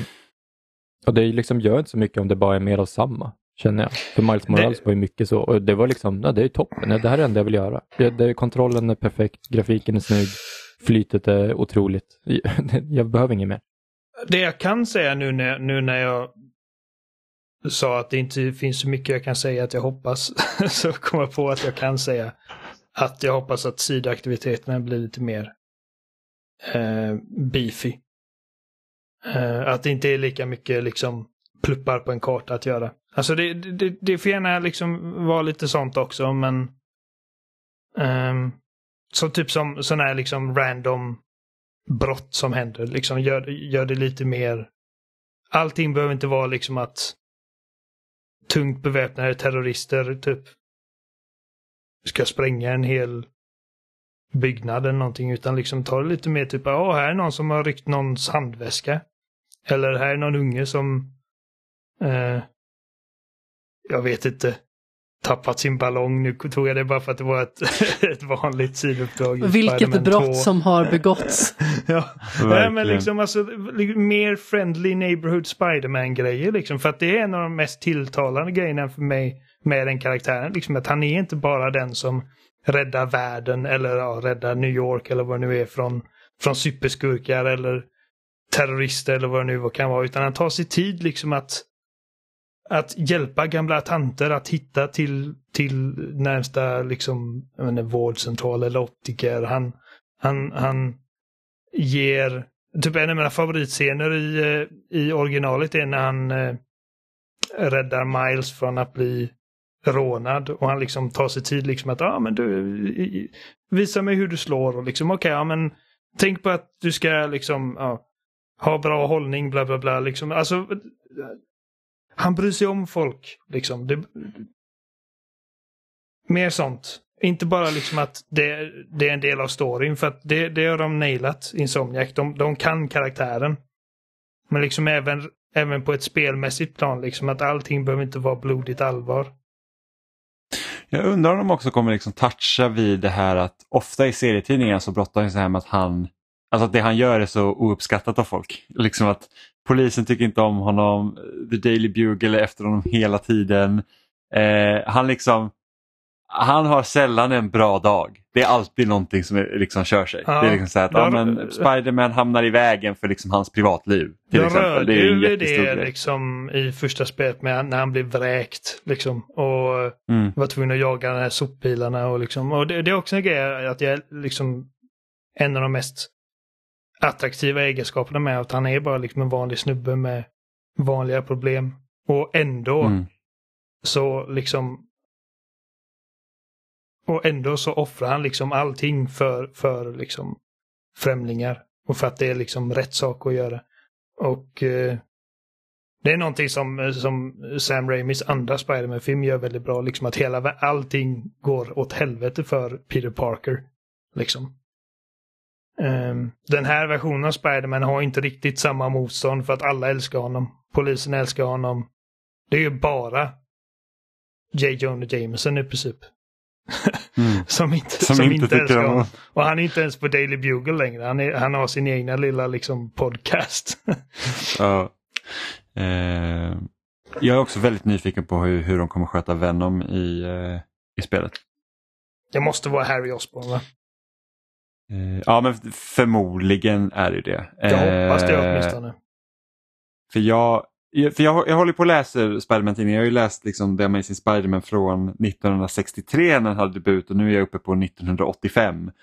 Eh, och de drar verkligen ut på det. Alltså första gången man får se liksom den svarta dräkten som liksom är en symbiot men du vet inte att det är en symbiot vid det tillfället. Det är liksom så här typ det kan ha varit någon tidning från 83 eller något sånt. Och liksom det tar flera år innan de nystar upp i det. Vad det är för någonting. Det är samma sak, jag tror huvudskurken just nu för Spiderman är Hobgoblin. Och, och liksom så här, det är frågan hela tiden så att, ja, men vem är Hobgoblin? Och det har liksom hållit på hur länge som helst. Liksom att man får liksom veta så här snippets uh, om honom och liksom att nu är han nära och sen så händer någonting och sen så, ja. Så att det... Och det är någonting, nu när vi har två Spiderman. Uh, om Peter liksom faller för den här typ symbioten och liksom får sin personlighet ändrad. Så kan man ha liksom Miles som en stand-in. Ja men precis. Uh, Eh, och sen är också frågan, kommer de ha någon form av co-op i spelet? Nej, det har de bekräftat att det inte kommer finnas. Ah, okej. Okay. Vilket... Inte ens ett liksom specialläge? Nej. Vilket jag tycker är jävligt skönt. Både och. Jag hade tyckt det var så jävla ha... roligt om man kunnat svinga sig som två stycken Spidermans. Och... Alltså ett riktigt co-op-spel då, inte så här fake co-op. Ja men det, det är så grej, typ ifall ja. man ska göra co-op så då blir det grejer som man måste kompromissa med. Ja men så är det, så är det. Um, uh... Och uh, i just det här fallet så är det inte någonting som jag hade varit villig att kompromissa med. Um, för att det kommer liksom, ifall man ska låta två Spiderman liksom svinga runt fritt igen i, i New York så liksom det... Och hur funkar det med storyn liksom? Um, man hade Nej. kunnat göra en så här typ eh, Resident Evil 6-grej, så här att du kör single player och sen så när det kommer till vissa story-segment där båda Spiderman är med, då kan någon koppla upp sig och spela den andra Spiderman. Under det uppdraget. Ah. Typ lite som Deathloop, du vet när man kan bli invaderad av Juliana. Det kan antingen vara en bot eller så kan det vara en människa. Mm. Ja. Ja, det ska bli väldigt spännande. Ja, ja, men jag, eh, som sagt, jag hoppas att det är Osborn och jag hoppas att man får se någonting mer av Octavius. Inte att han ska liksom brytas ut och att han är huvudskurken igen utan att man får se liksom hur det går för honom. Liksom. mm. uh, och annars så, som, äh, jag, Insomniac är bra, de vet vad de gör, jag ser fram emot det. Mm. Och nästa spel är ju annan sån här riktigt så här, uh, stor, uh, stor grej att det kommer ut och det är ju The Legend of Zelda Tears of the Kingdom. Mhm. Mm. Och det här är ju alltså jag vet inte om det är något spel på vår lista som vi har nu som har lika liksom mycket egentligen press på sig som Zelda. För att Breath of the Wild kändes som verkligen att det typ skrev om hur man kan liksom hantera en öppen värld. Av alla de här spelen känner jag att Eh. det här är det som har störst chans att göra mig besviken. Men det är bara för att det är större press på det. Precis. det, alltså det, det är liksom För att, alltså- uppföljaren till ett helt fantastiskt spel. Det är bara, jag tror att det, det är omöjligt för det att liksom få samma genomslag som Breath of the Wild fick för mig. För att nu vet jag vad jag kan förvänta mig och eh, jag har liksom mycket högre, alltså ribban är satt.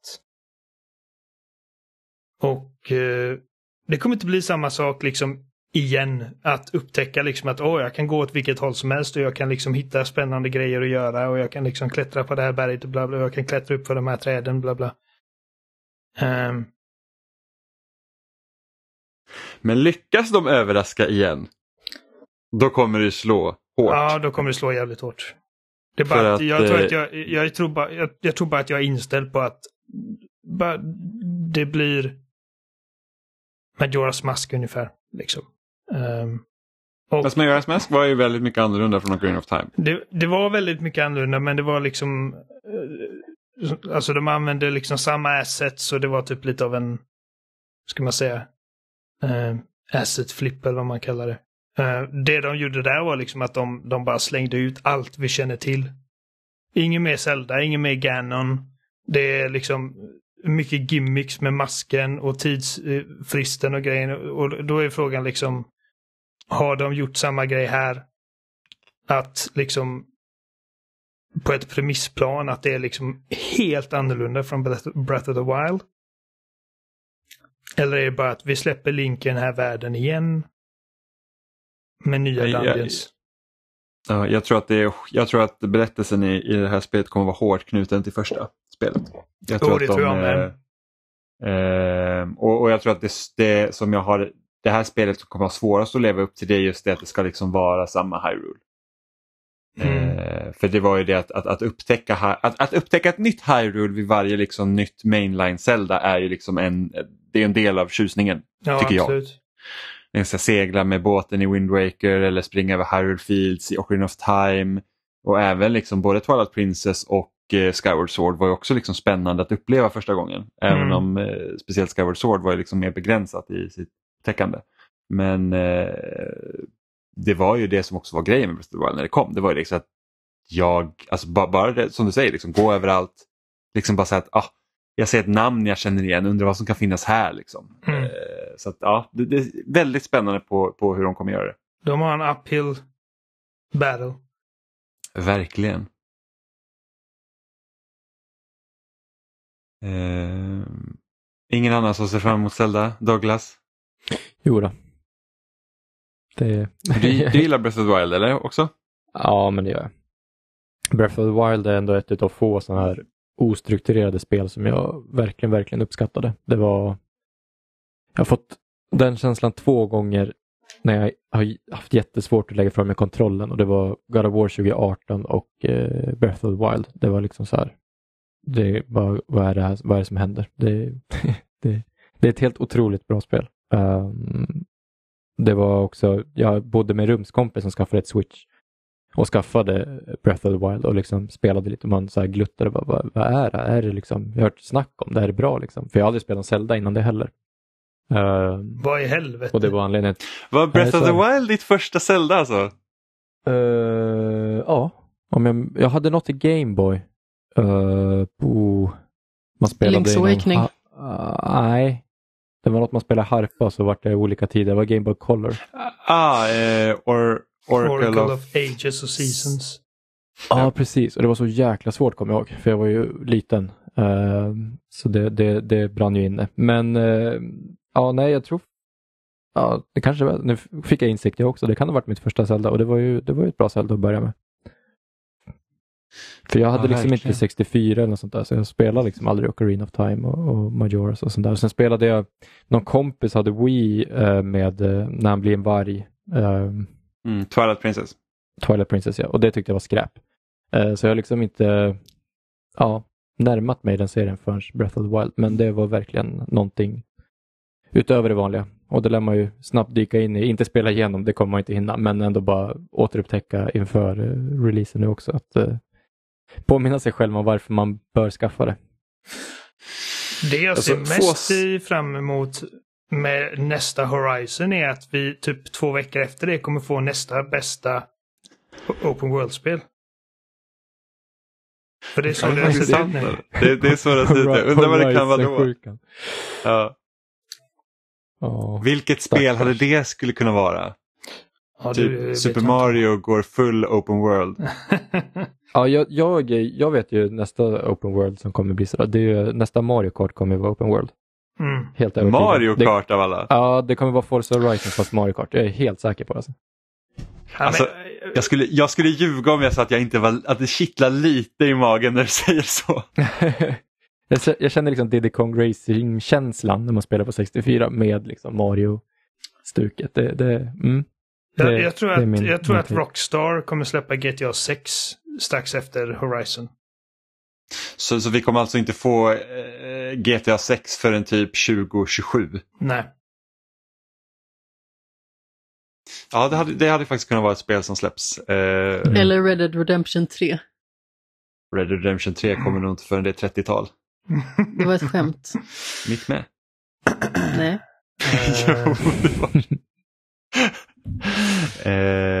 eh, Nej, alltså jag, jag, har spelat, jag spelar faktiskt Mario Kart i helgen eh, för att det kommer de här två nya kupperna i det här eh, Course Pack-grejen. Eh, ja, alltså det, de är så jävla bra. Mm. Det, det är riktigt kanon. Jag, jag sörjer att vi inte har fått ett alltså det kommer gå tio år innan vi får nästa Mario Kart. Från att eh, åttan först släpptes. Ja, eller fem då. Vadå fem? Om det nu släpps när nästa Horizon släpps. Ja, jo. ja, då blir det Diddy Eh. Kong Racing fast i Mario Kart. Mm. Och lite Forza med Horizon. Horizon. Ja, ja, ja. Ja, Det vet ja, ni. det... Kom ihåg det om fem år. Ja, det ser vi fram emot. Eh, men när vi ändå är inne på Open World-spel så nästa spel kommer ju förmodligen vara gigantiskt och det är Starfield. Mm. Ja, jag är redan, eh, jag är redan trött på det. Jaså? Jaså? Nej, jag vet inte. Alltså, nå någonting inom mig. Jag tycker ju estetiken och eh, hur de har presenterat det är otroligt eh, spännande med det här Starfield eh, Initiative och liksom att det är så här, bli astronaut och joina oss. Att de, de har ramat in hela presentationen på så bra sätt. Men det känns, alltså det känns redan nu jobbigt att bara bege sig ut och börja upptäcka den världen. För den känns så ogreppbar. Ja, det var när de, sa, när de sa någonting om hur många planeter det fanns i spelet som jag kände att okej, det här är lite av en red flag. Mm. Jag kommer inte ihåg hur många det 100%. var. Eh, Ja, men alltså det är ju typ, alltså det var ju liksom, det är typ random genererade planeter i miljonklassen. okej, ja. Typ. Jag hade ju hellre tagit ett dussin planeter som faktiskt har någonting på sig. Ja, men jag tänkte typ ett solsystem, Mm. jag hade väl rätt? precis, eller? precis. Det var det jag förväntade mig Jag blir ju bara trött och ängslig. Men, men nu måste vi ju förklara varför det är på listan. Inte bara åh, det här kommer suga röv. ja hur fan. Det, det, det, Eh, det är det första liksom nya rollspelet av Bethesda Game Studios. Sen Fallout 4. När kom det? 2014? ja, precis. Mm. Nej, var det inte 2015? Jo, to- Jo, det kan vara 2015. 2015. ja. Amanda har huvudet på skaft. Ehm, Och det är deras första nya IP sedan, var det Elder Scrolls? Det är väl 25 Ja. år sedan. ja, och, eh, och rymdspel är jävligt coolt. Rymdspel är coolt och Mm. att, att äga sitt eget skepp är coolt och att kunna customisa sitt skepp helt och hållet är coolt. Ehm, och... Ja, nej, men liksom uh, Bethesda, menar, de, de är ju egentligen, om man kollar liksom på typ internetkultur, så är de ju mest kända för att bara det är buggigt skräp liksom. Alltså de är ju typ trasiga spel. Men anledningen till att de är trasiga är för att de liksom hänger sig till att göra så här systematiskt oerhört komplexa spel. Med världar Ja. som är liksom systemiskt liksom ehm, Det var ju därför Skyrim inte funkar ordentligt på PS3 för att ramminnet åt Minnet, upp av att man behövde hålla koll på vart alla objekt liksom, var i hela världen. Ja, om du tar liksom ett, en cheese wheel någonstans så minns spelet att du har tagit en cheese wheel från det här stället. Eh, och du kunde liksom ta typ en, en skål och sätta på skallen på någon liksom en butiksägare och så ser han det inte och då kan du sno allt han har. Och liksom alltså sådana grejer. Um, så att det, det, äh, det ska bli spännande för att det, det är som sagt någonting helt nytt för dem. Och eh, jag tycker att det är en väldigt spännande riktning de har gått. Jag ser fram emot att skapa min liksom egna lilla liksom Spacefarer. Och göra mitt egna skepp och liksom se det växa. Jag, alltså jag, jag är sån att jag, jag Mm. när det kommer till, jag blir väldigt fäst vid mina prylar. Ungefär som att, alltså i Days Gone, att din motorcykel. Jag blev väldigt fäst vid motorcykeln. För att jag liksom byggde på den, gjorde den bättre, gjorde den starkare och mer effektiv. Ehm, och, eller typ som i spelet Mad Max, när du hade din bil. Liksom att det började som ett rangligt åbäk och sen så hade du liksom typ några timmar senare så hade du liksom en stor jävla dödsmaskin med en V8-motor. Och det är... Jag kan, jag kan se framför mig hur jag kommer bli väldigt, väldigt, väldigt investerad i att liksom göra mitt skepp bättre. Mm. Ska du också komma ihåg den här gången att inte ha på dig för mycket grejer på Ja. din karaktär. Så du får krypa överallt. Ja. Jag har lärt mig, jag har fått lite bättre liksom RPG lit- literacy sen dess. Så Oliver bara, det är så jobbigt att gå överallt i Skyrim. Och så bara, men du har fast travel. Va? Har jag fast travel? Försöker fast travela. Det står att jag är overcumbered. Va?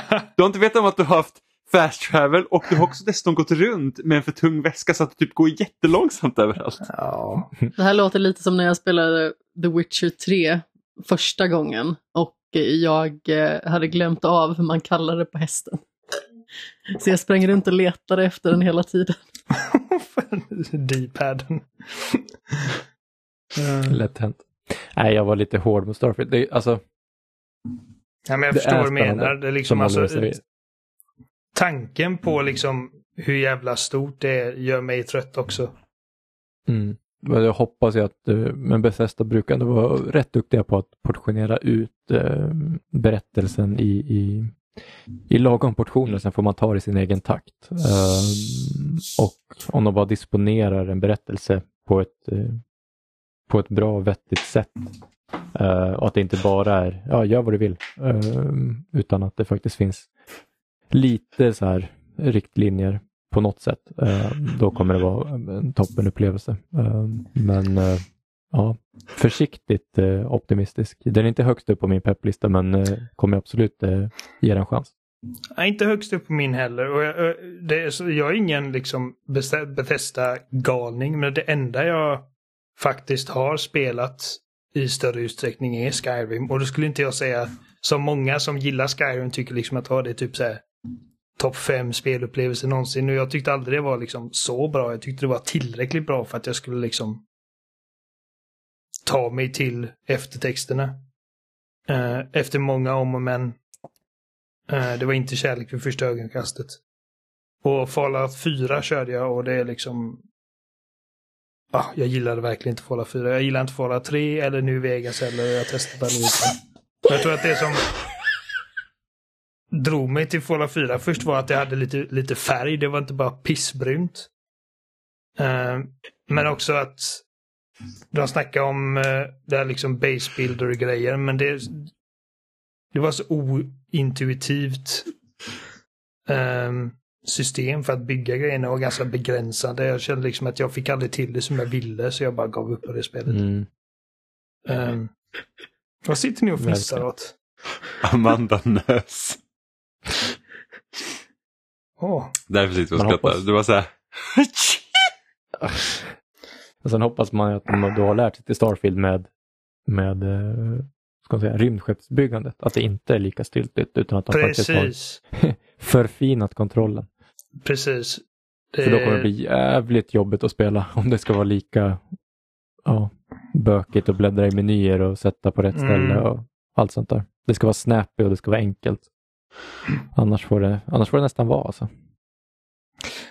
Nej, men Mm. jag, jag, jag hoppas mer på liksom typ The Expanse än Star Trek. Liksom att jag, jag, jag tyckte det var ganska trist om det visade sig att åh, det är så här uråldriga jävla döds-aliens som ska äta upp allas hjärnor och grejer. Utan jag hoppas att det är mer mänskligheten som är liksom problemet i storyn. Alltså att det är liksom någon form av mer realistisk skildring av hur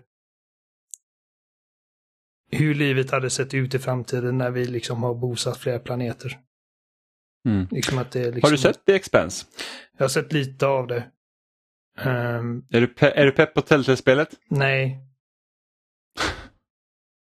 Men alltså, jag, jag är inte ett Expanse-fan. Det är bara att jag, alltså, jag tycker om att det är inte massa aliens och grejer utan det är människor. Mm. Um,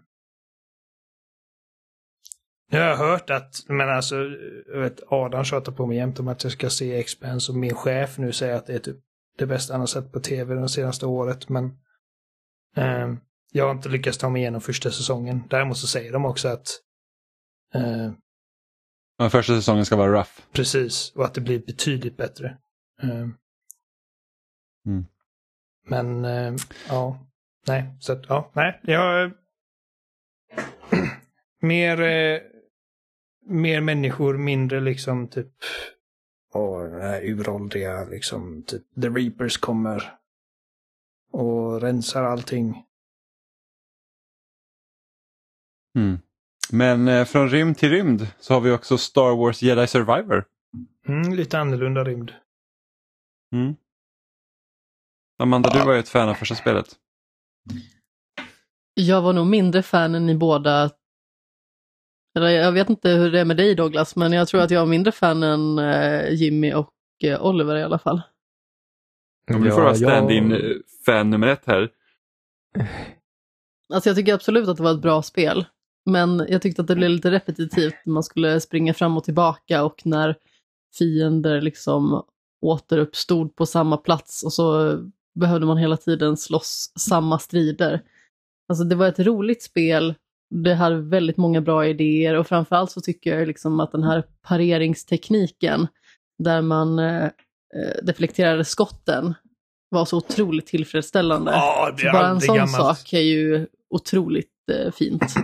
Men eh, samtidigt kände jag att här, berättelsen var kanske lite långsam, inte på ett långsamt sätt liksom som att den bygger upp och eh, ger liksom otroligt mycket spänning. Och sen så är huvudkaraktären dessutom ganska så beige av sig.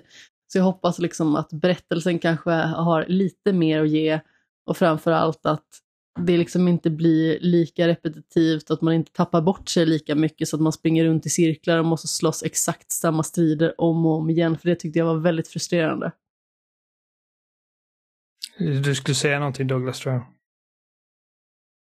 Nej, jag skulle bara säga att jag, jag uppskattade också första spelet eh, och håller med om att eh, leveldesignen var problematisk. Eh, den var väldigt oförlåtande och det är väl inget fel i sig, men jag kan tycka i kontextet Star Wars som är ett ganska lättsamt universum så vart en ganska så här abrupt kontrast. Eh, det behövde inte vara liksom det soul-spel det ändå var, samtidigt som eh, det var väldigt skönt och kul att spela. Eh, och jag gillar Cal som huvudperson till skillnad från eh, Amanda, så jag tycker att det skulle bli superspännande att se hans berättelse och vart det tar vägen också.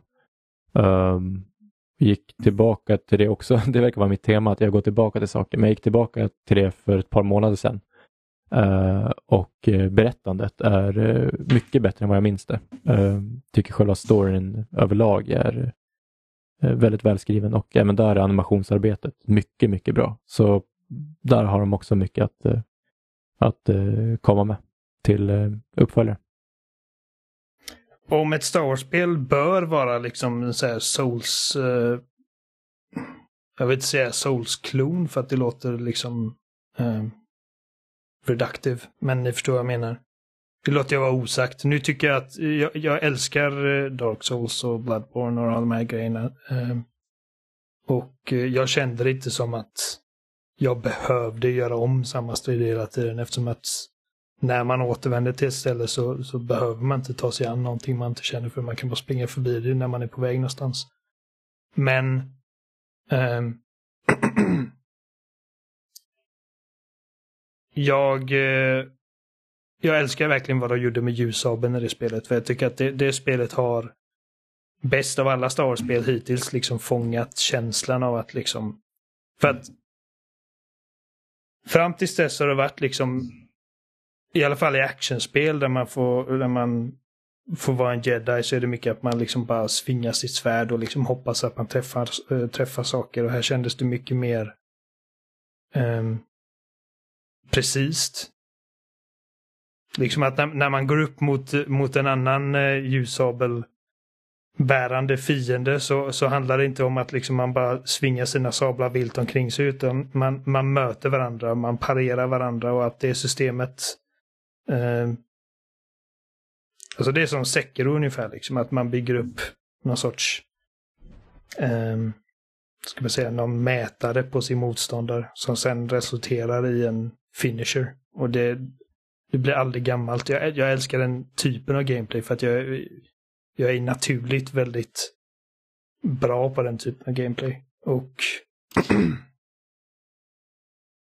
um, ja, nej, det, det, det, jag vet att folk klagade mycket på att oh, man kunde inte kapa av huvuden och armar och grejer på Stormtroopers, vilket jag känner och liksom rent logiskt så borde det vara det som händer liksom. Eftersom att det är en ljussabel. Um, men det störde mig inte så mycket. Uh, inte bara för att jag är liksom, ja, oh, det ska vara liksom ett semi-barnvänligt spel utan mer också liksom för att från, från ett designperspektiv liksom att ifall, ifall allting bara gick i mitten när man högg mot det så hade det inte varit så kul att spela. Um, med uppföljaren så ser jag eh, jag ogillade inte Cal Kestis men jag tycker att det fanns mycket potential för att göra honom ännu mer spännande och jag, jag hoppas att de infriar det här lite och att man får se en lite mer härdad och kanske lite mer, inte cynisk nödvändigtvis, även om jag hade älskat det. Jag gillar liksom cynicism hos jedis. Och det är därför jag älskar Luke i, i Last Jedi. Um, Han har fått skägg nu så. Precis, det var exakt det jag sa. Ja, det går bara åt ett håll. Men alltså jag ogillade inte Cal Kestis heller, utan det var bara det att jag tyckte att han var ganska intetsägande i relation till ganska så många så här färggranna karaktärer som man tidigare har stött på i Star Wars-universet. Ja, jag kände liksom att han tillförde inte så jättemycket. Och jag tror att det också det är ett... I sammanhanget av Fallen Order så är han kanske den minst intressanta karaktären av alla karaktärerna i spelet. Jag tycker att eh, han piloten, Grease heter han va? Han är bara så jävla liksom karismatisk och charmig och, och hans eh, mentor eh, Jag kommer inte ihåg vad hon heter men hon som är med i alla spel typ. Eh, Seer. Seer hette hon. Eh, en fallen jedi sånt tycker jag är intressant. Och även skurken Trilla tyckte jag var jättespännande. Um, så att liksom, och, och sen Merrin tror jag hon heter också. Uh, så här typ Night Sister som sen joinar den. Um, henne har man inte fått se i trailern till uh, Jedi Survivor. Och jag hoppas att hon är med. För jag tyckte om henne väldigt, väldigt mycket. Så jag tror att liksom det blir när, när man jämför Cal med alla andra karaktärer som han omger sig med så, så blir han liksom Bash är väl ett ganska bra sätt. Han, han är lite vanilla liksom. Och jag hoppas att han har lite mer nyans eh, i uppföljaren. Lite äldre och lite mer härdad. Men lite Padawan, eh, stora ögon, upptäcker sig själv och världen samtidigt. Typ. Exakt. Uh, och nu får han ta med sig erfarenheten och bygga sitt egen, sin egen historia på något sätt. Precis. Um... Jag känner att jag minns väldigt lite av berättelsen nu när jag tänker efter. Ja, men det är som sagt, eh, återvänd gärna.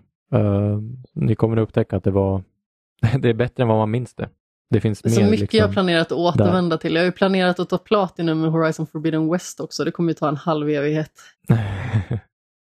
ja, jag tyckte ja. om storyn väldigt mycket i, eh, i Fallen Order. Alltså särskilt uh, om man typ jämför med andra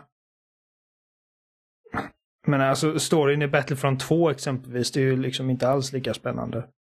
Um, Nej. Och det finns... Och sen hade liksom... de ju ett, äh, rätt, jag vet inte hur mycket vi ska spoila, men äh, det är ett rätt äh, grovt och härligt äh, S i rockärmen så att säga, som de slänger in mot slutet, vilket gör att ja, förväntningarna och förhoppningarna om överraskningar i kommande spel också blir stora. Mm, ja, men det, det har liksom fanservice, men det förlitar sig inte på fanservice. Um... Nej, det är, så, det är så noga utvalt på något sätt så det vart bara en, en jäkligt schysst effekt. Ja, och de gör ett bra jobb med att liksom göra en egen liten liksom self-contained story i ett så stort universum som ofta liksom allting hänger på allt annat. Mm. Um, och BD-1 är fantastisk, jag älskar BD-1. Liksom, typ, ja, absolut. det är ju den bästa karaktären. En av de bästa. Ja, en presentation liksom... med... Nej, sorry. Kör. Nej, jag skulle bara säga en av de bästa så här, robotkompisarna i ett spel någonsin. 100 procent. Uh,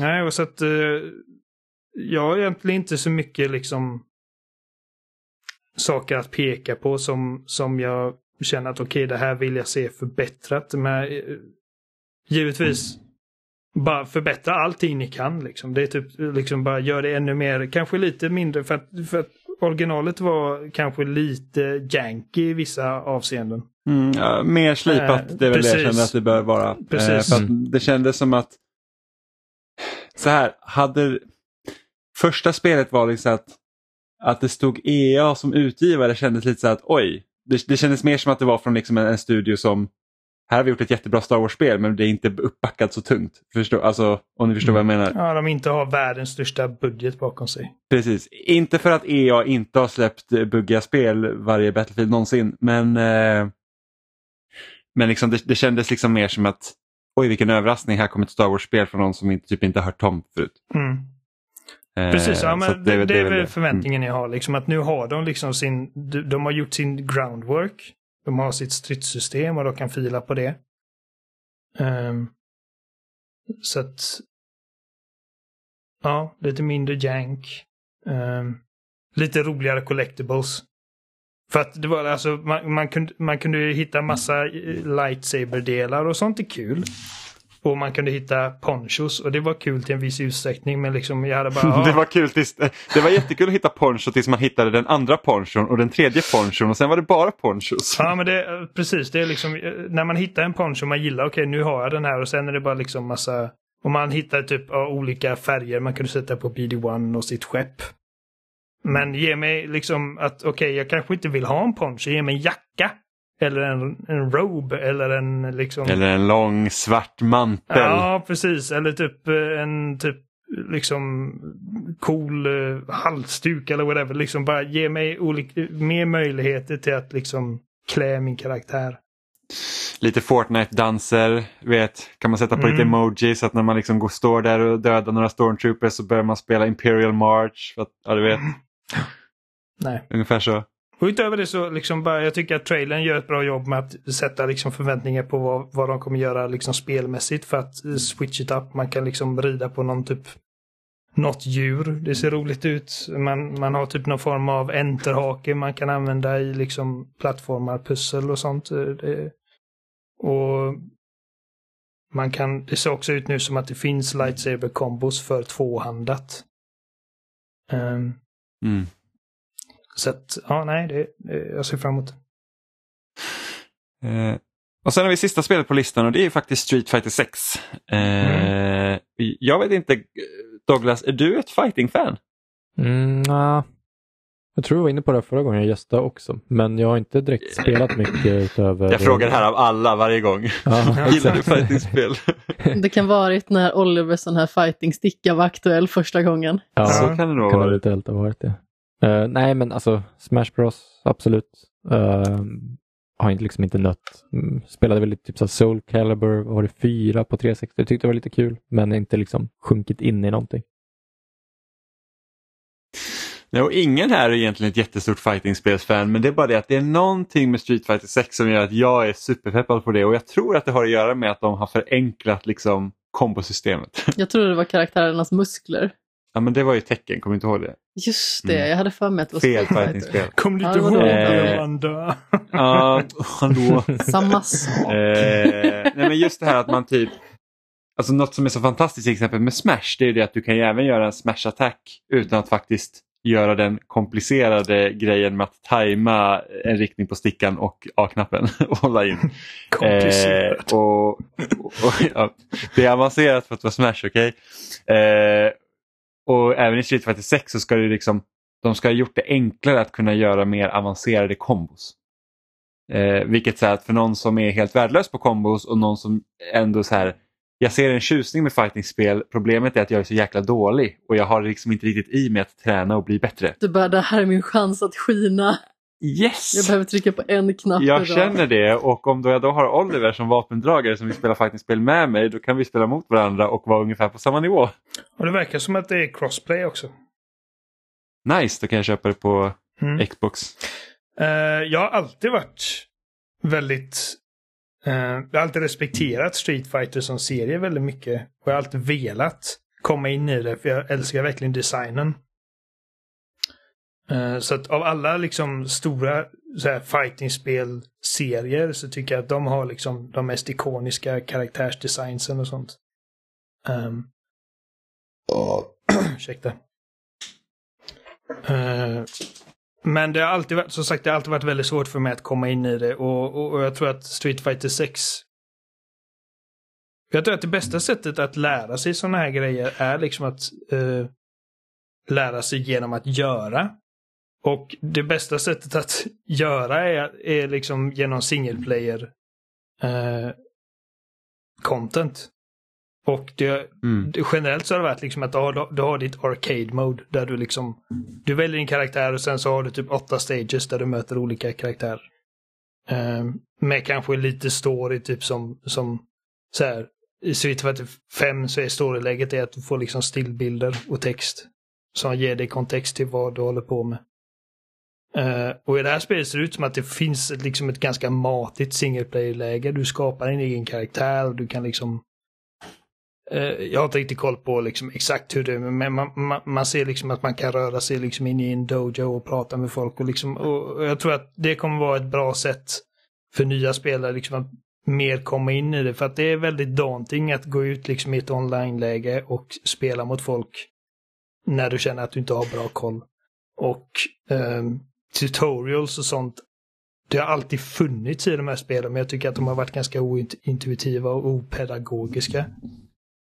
Ja, men sen så, alltså, om man inte gillar att gå in typ i training room och bara liksom testa kombos mot en död bot, då är det inte kul heller. Precis, och det, det har jag försökt göra i Street Fighter 5 och liksom jag menar, man lär sig vissa grejer men samtidigt är det också att de här menyerna som visar de olika kombosarna är liksom de är inte lättläsliga alltså. För att det står inte du tycker okej okay, det här hållet och sen så de här knapparna utan det är liksom olika ikoner för olika saker. Och jag förstår varför det är Mm. så. För att det finns liksom ett, liksom, fightingspel har ett eget liksom språk nästan. Ehm, Mm. men som sagt, Street, Street Fighter 6 ser bara ut som att vara liksom Dels ett väldigt påkostat och väldigt matigt spel. Jag vet att Street Fighter 5 när det släpptes fick mycket kritik för att det var väldigt sparsmakat på innehåll. Och det har blivit bättre med tiden givetvis men eh, det känns inte som att, Street- eh, som att sexan kommer ha det problemet. Um, och det, alltså det är väldigt mycket, ifall man följer liksom folk som spelar mycket eh, fightingspel så är det väldigt mycket bra och positivt bass kring spelet. Ehm, det, det, enda liksom negativa jag hör om det är att eh, coverarten är ful. Mm.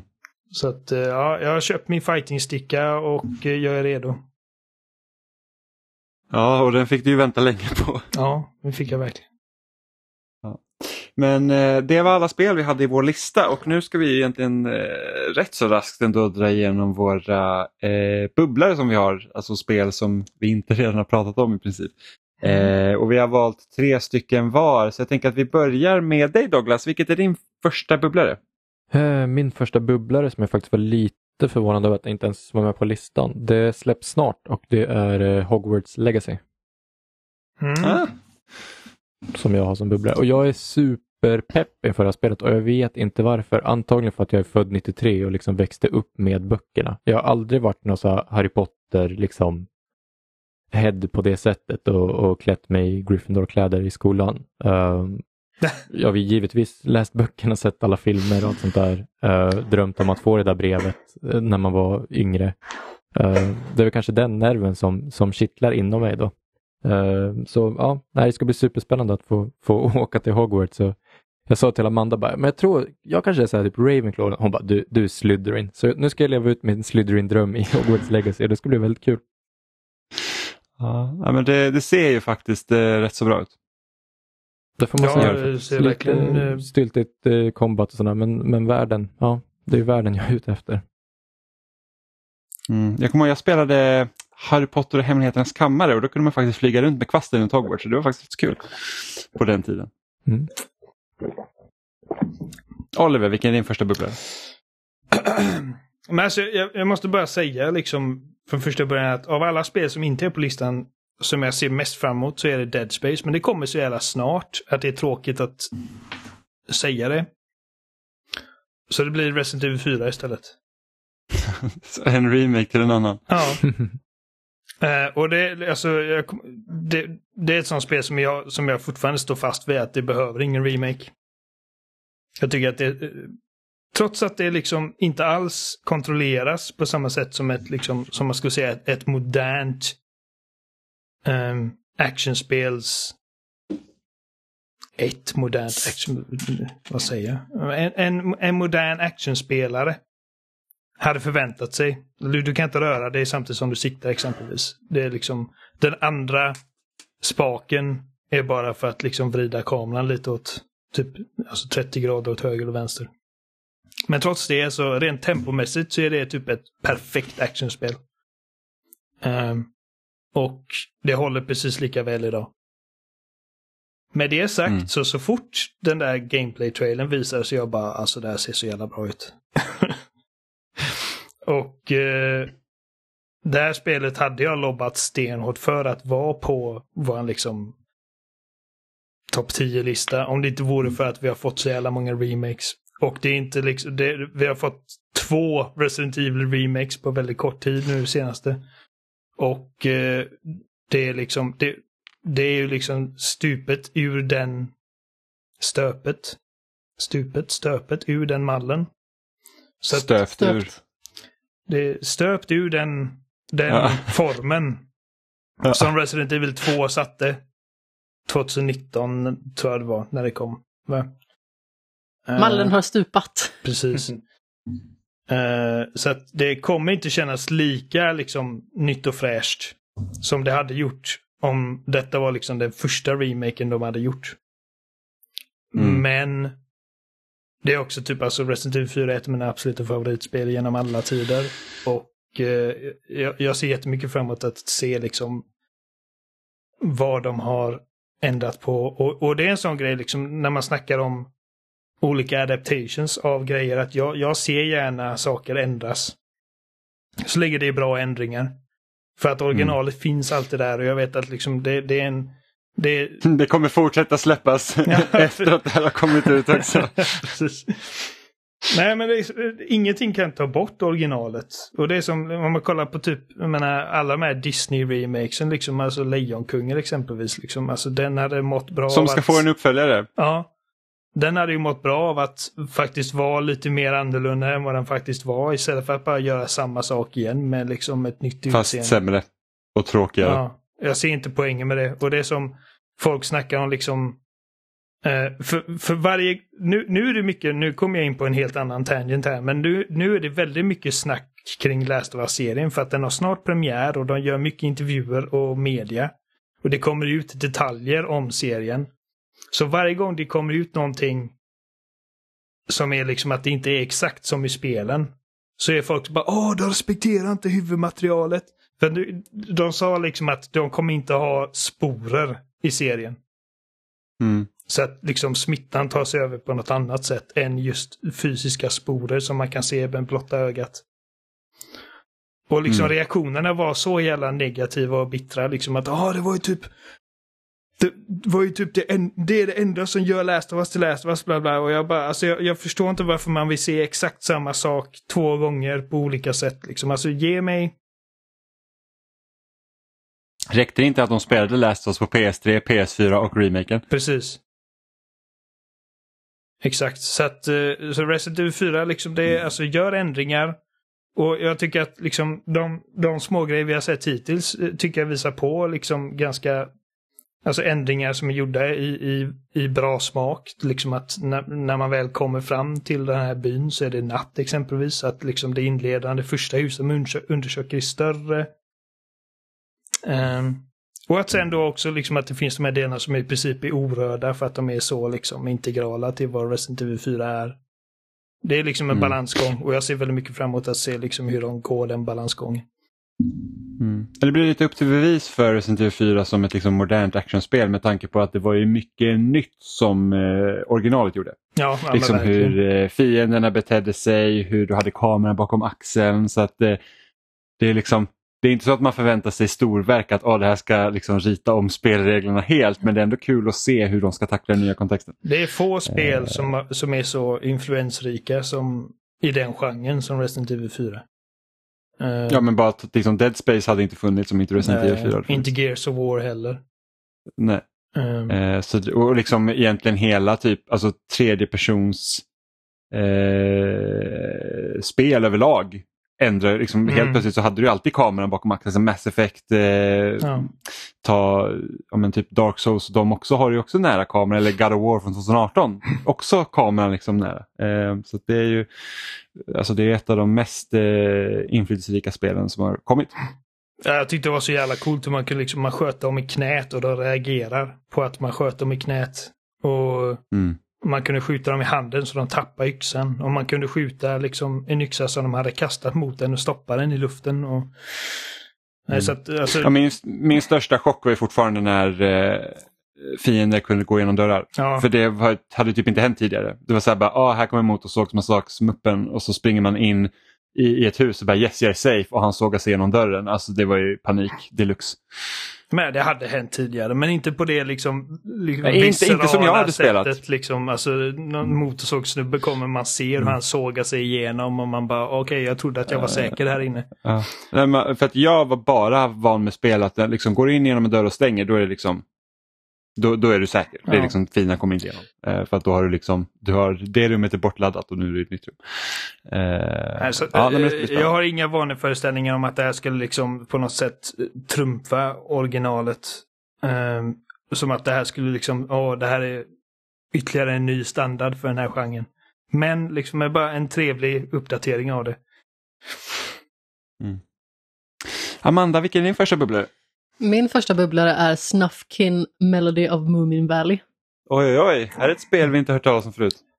Inte så jättemycket faktiskt. Nej. Och det är ju faktiskt Raw Fury som ger ut det. Och eh, Hyper Games heter utvecklaren. Jag ser väldigt mycket fram emot det här för det är liksom ett faktiskt äventyrsspel i Muminvärlden. Det är ett indiespel, det är rollspelselement, det är musikelement och man får följa då Snusmumriken naturligtvis. Mm på hans lilla äventyr. Jag är otroligt exalterad för det här, för tidigare har man liksom inte fått något vidare Muminspel tidigare och det är ju liksom någonting som har varit lite av en sorg för mig som verkligen älskar Mumin och har gjort ända sedan jag var liten. Jag kommer ihåg när jag var liten så hade jag något så här CD-ROM-spel som mm. var så här sönderspelat vid eh, fem års ålder eller någonting sånt. Och det var väl inte fantastiskt, men det var Mumin. Och sen när jag var jurymedlem i Nordic Game Awards, jag tror att det var 2019, så var ett av Finlands bidrag Moomin Match and Explore som jag spelade ohälsosamt mycket, men det var ju typ något så här Candy Crush liknande spel som egentligen inte hade så mycket substans utan det var bara för att det var Mumin som jag fortsatte att spela det. Ja, men jag skulle precis säga Så det här att ser jag jag... extremt mycket fram emot. Jag skulle precis säga att jag, jag, jag kan inte tänka mig att det inte har kommit Muminspel, men jag kan inte komma, jag kan inte komma på ett exempel på ett liksom högprofils Muminspel. Men så har det ju säkert kommit barnspel, Ja. tänker jag. Jag tror faktiskt att det kommit på Gameboy till och med. Men eh, ingenting som jag liksom har lagt vantarna på eller faktiskt spelat sådär. Ska vi våga satsa pengar på att det Muminspelet på Gameboy var ett 2D-plattformsspel? Jag tror faktiskt inte att det var det. Se- Seriöst? Nej, men det var förmodligen eh, liknande som det är på PC, liksom att man eh, kunde klicka på olika ställen och så var det någonting som gömde sig bakom som man fick ta del av. Men för horribelt att spela sånt spel på Gameboy. Jag kan tänka mig att det var något sånt, men eh, nu killgissar jag och det grövsta. Vad är din första bubblare? Min första bubblare är Sea of Stars, vilket är The Messenger-utvecklarnas nya spel. Eh, som också utspelar, jag tror det är en prequel till The Messenger också, men det är liksom inte, det spelas inte som The Messenger, det är liksom inte ett 2D-platt, jag tänkte säga plattformvania, ett, ett, det är inget 2D Metroidvania utan det är ett, eh, ett rollspel. Så att det tar liksom inspiration från typ Chrono Trigger och det klassiska Final Fantasy. Jimmys favoritgenre, plattformvania. Ja, Plattformania, precis. Eh, och alltså, jag tyckte första halvan av The Messenger var helt fantastisk och sen så eh, blev det stadigt sämre efter det. Men det här Sea of Stars ser helt magiskt ut. Eh, och just med tanke på att de så här, ja, men, om man tittar på typ Chrono Trigger, liksom, vilket är ett, ett av mina favorit liksom, JRPGs någonsin, så det, det ser jag väldigt mycket, mycket, mycket, mycket fram emot. Douglas, vilken är din andra bubblare? Min andra bubblare är, ehm, jag vet inte riktigt vad jag ska tycka om det eller tro om det på förhand. Jag tror det kan vara riktigt hit or miss. Eh, och det är ett spel som också kommer snart och det är Forspoken. Mhm. Eh, Mm. Jag har Mm. egentligen inte kollat in så jättemycket inför, bara lite grann. Jag tycker världen ser ganska tom ut. Jag tycker skådespeleriet är halvkonstigt. Men det kanske ändå finns någonting där just eftersom att det släpps under Playstations vingar. Det har på senaste tiden i alla fall betytt någon form av kvalitetsstämpel. Um, så det är också ett sånt där spel som jag tror jag vill kolla in, men jag är inte riktigt helt säker. Uh, Har du att det- testat demot? Nej, jag har inte gjort det. Mm. Har inte gjort det. Um, får se om jag eventuellt kan eh, få det som recensionsuppdrag framöver. Jag är osäker på om jag kommer köpa det, men vi får se om jag, om jag faller in på det spåret eller inte. Um, Mm. Men det är en sån här försiktig bubbla i alla fall som jag tror kan vara ett, ett bra riktmärke för 2023. Om Forspoken är bra då kommer resten av året vara helt fantastiskt. Jag testade demot Eh, ja, och det gjorde inte spelet några tjänster får jag säga. Men jag har hört ho- att demot placerar dig typ mitt i spelet vilket gör att det förklarar ingenting för hur det nej. funkar. Så Men det blir väldigt så här, Man får what? några så här typ tutorial-rutor liksom där de förklarar typ löst liksom de grundläggande principerna för gameplayet. Men inte tillräckligt för att man ska liksom känna att man har koll på det. Jag tror att det, det är ett sånt spel som man behöver liksom vara där från början och liksom Mm. eh, komma in i storyn, komma in i världen, i kontexten och även liksom på ett spelmekaniskt plan för att jag, jag hade verkligen ingen aning vad jag höll, höll på med. Eller, och, och alltså liksom och som sagt, jag tror inte att, jag tror inte att det är liksom för att spelet eh, är dåligt utan jag tror bara liksom att det är ett spel som inte gör sig bra i demoform. Eller att de har inte gjort ett bra demo. Nej. Punkt. Eh, Det är väl Nej. kanske det. Men Eh, Det känns ju där är- storydrivet liksom på förhand. Mm. ja. Och där är ju ett spel som gör att, alltså det är premissen i alla fall tycker jag som är intressantast. Liksom att man tar en, för jag vet inte hur många gånger man typ sen när man var liten drömde om så här att ah, men tänk om man placeras typ i en fantasivärld. Liksom.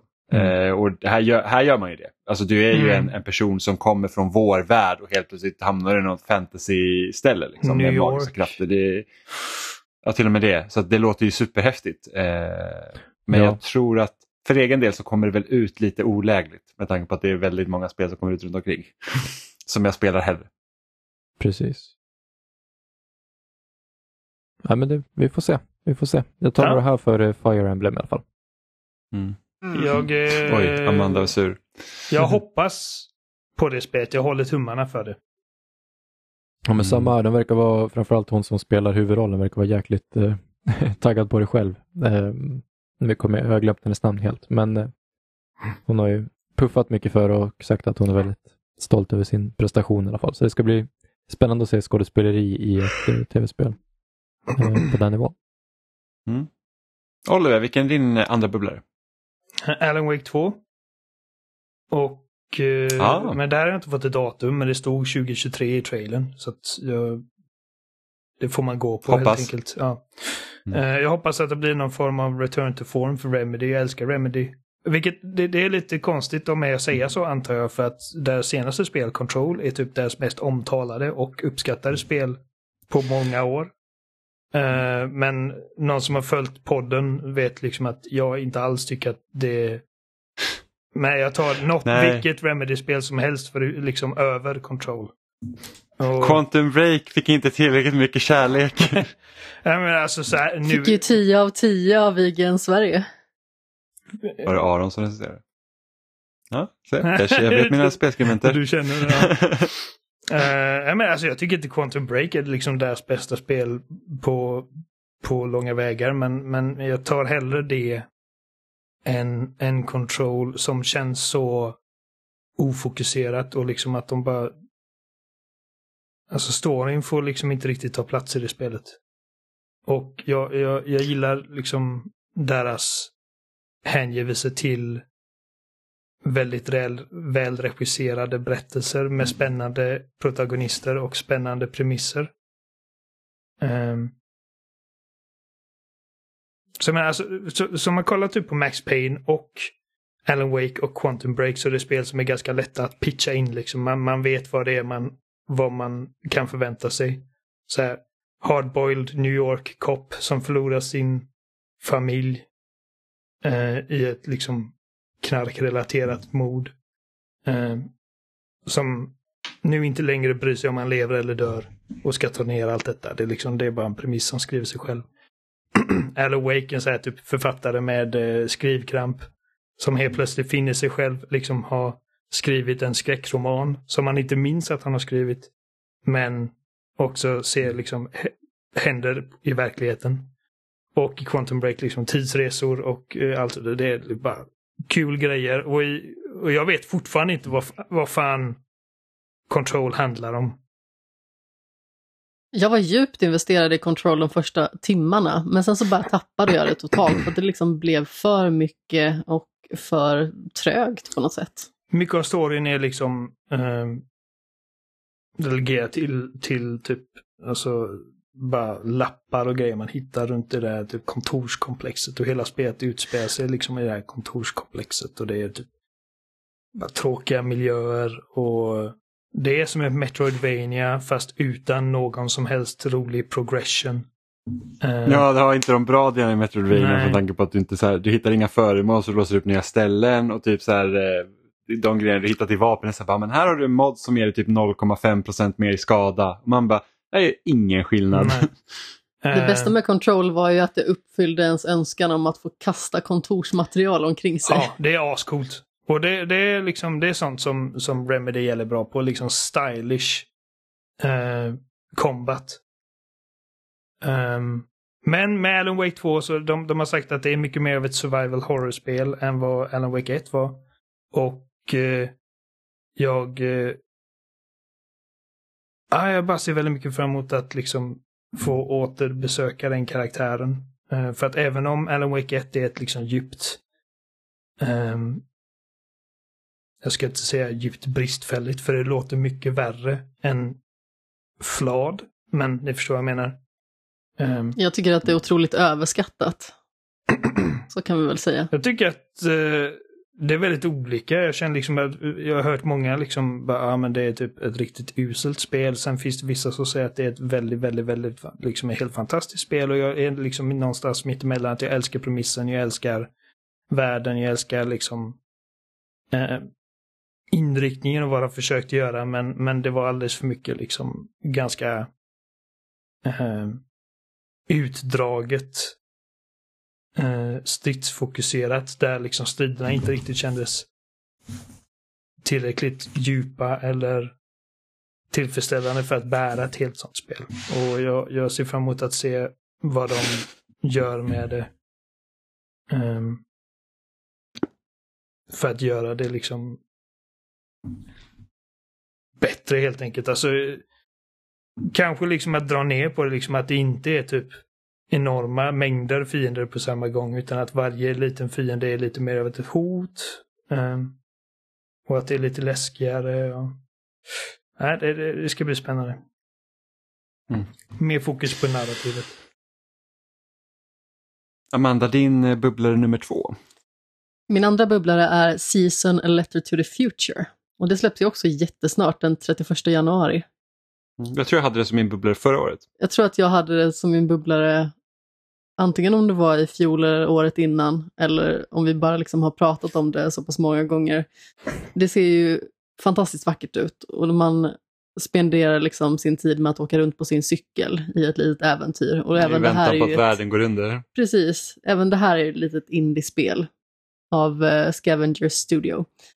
Mm. Uh, så jag uh, ser otroligt mycket fram emot det här. Det utannonserades ju typ samtidigt som det här Open Roads från Fulbright som eh, vi också pratade om liksom i samma veva där och som jag också ser fram emot. Men eh, det här vet vi i alla fall äntligen kommer nu. Och jag tror att det är de två senaste åren som vi har varit exalterade över det här. Men det har liksom dröjt väldigt länge innan det har kommit något datum och helt plötsligt så är det här. Alla Amandas mm. bubblare har jättelånga titlar. Det kommer ett spel till med lång titel efter det här. det har inte mig. Eh, och min nästa bubblare är också ett spel som jag tror jag hade med förra året och det är Hollow Knight Silksong. Eh, I år händer det. Och, ja, jag tycker det. Det borde hända i år. Det, alltså, så här, det visades på Microsofts E3-visning och där sa de att alla spel som visades under den presentationen skulle släppas eh, innan E3 nästa år, som är då i år. Då. Eh, så så det borde komma på den här halvårssidan och jag hoppas innerligt att det gör det. Eh, jag älskar ju första Hollow Knight. Jag tycker att det är absolut det bästa Metroidvania som har kommit någonsin. Helt fascinerad över liksom det eh, spelet. Precis som typ när man pratar om Elden Ring, att man så går runt i världen och man bara så här, kartan blir bara större och här är ett område jag aldrig sett. Så var det liksom även för Hollow Knight. Trots att det är liksom ett, ett 2D-spel och inte liksom en, en 3D-värld. Att man liksom kan gå fram och tillbaka över ett område och sen liksom så här, typ 18 gånger man går där, då hittar man en liten vägg man kunde typ stå sönder och bara säga här var en helt ny kartdel. Eh, så upptäckandet i det spelet var ju liksom helt eh, underbart. Eh, och jag liksom köpte det på Switch, klarade ut det. Det släpptes på Xbox typ tre månader senare, köpte det igen och klarade ut det igen. Jag tyckte om det så himla mycket. Eh, och med Silksong då, så en uppföljare, så ser alltså förväntningarna är otroligt höga. Och, och där, precis som när vi pratade om eh, Tears of the Kingdom, liksom att, så att risken att bli besviken på en uppföljare till ett så fantastiskt spel som Breath of the Wild så känner jag att det är lite samma sak med Silksong. Att det, risken är stor att man blir besviken och att det är liksom svårt att få exakt samma känsla igen när man liksom har någon form av eh, uppbyggd förväntan om vad man faktiskt ska spela. Men eh, jag ser ändå väldigt mycket fram emot det. Jag hoppas verkligen på stordåd en sak du inte kommer bli besviken på i alla fall, det är ju musiken. För att det man har hört från det spelet är ju magiskt, precis ja. som i Hollow Knight. Och Hollow Knight ska du ju faktiskt hjälpa mig att ta mig igenom i år, äntligen. Ja, här blir man satt på arbete. Ja.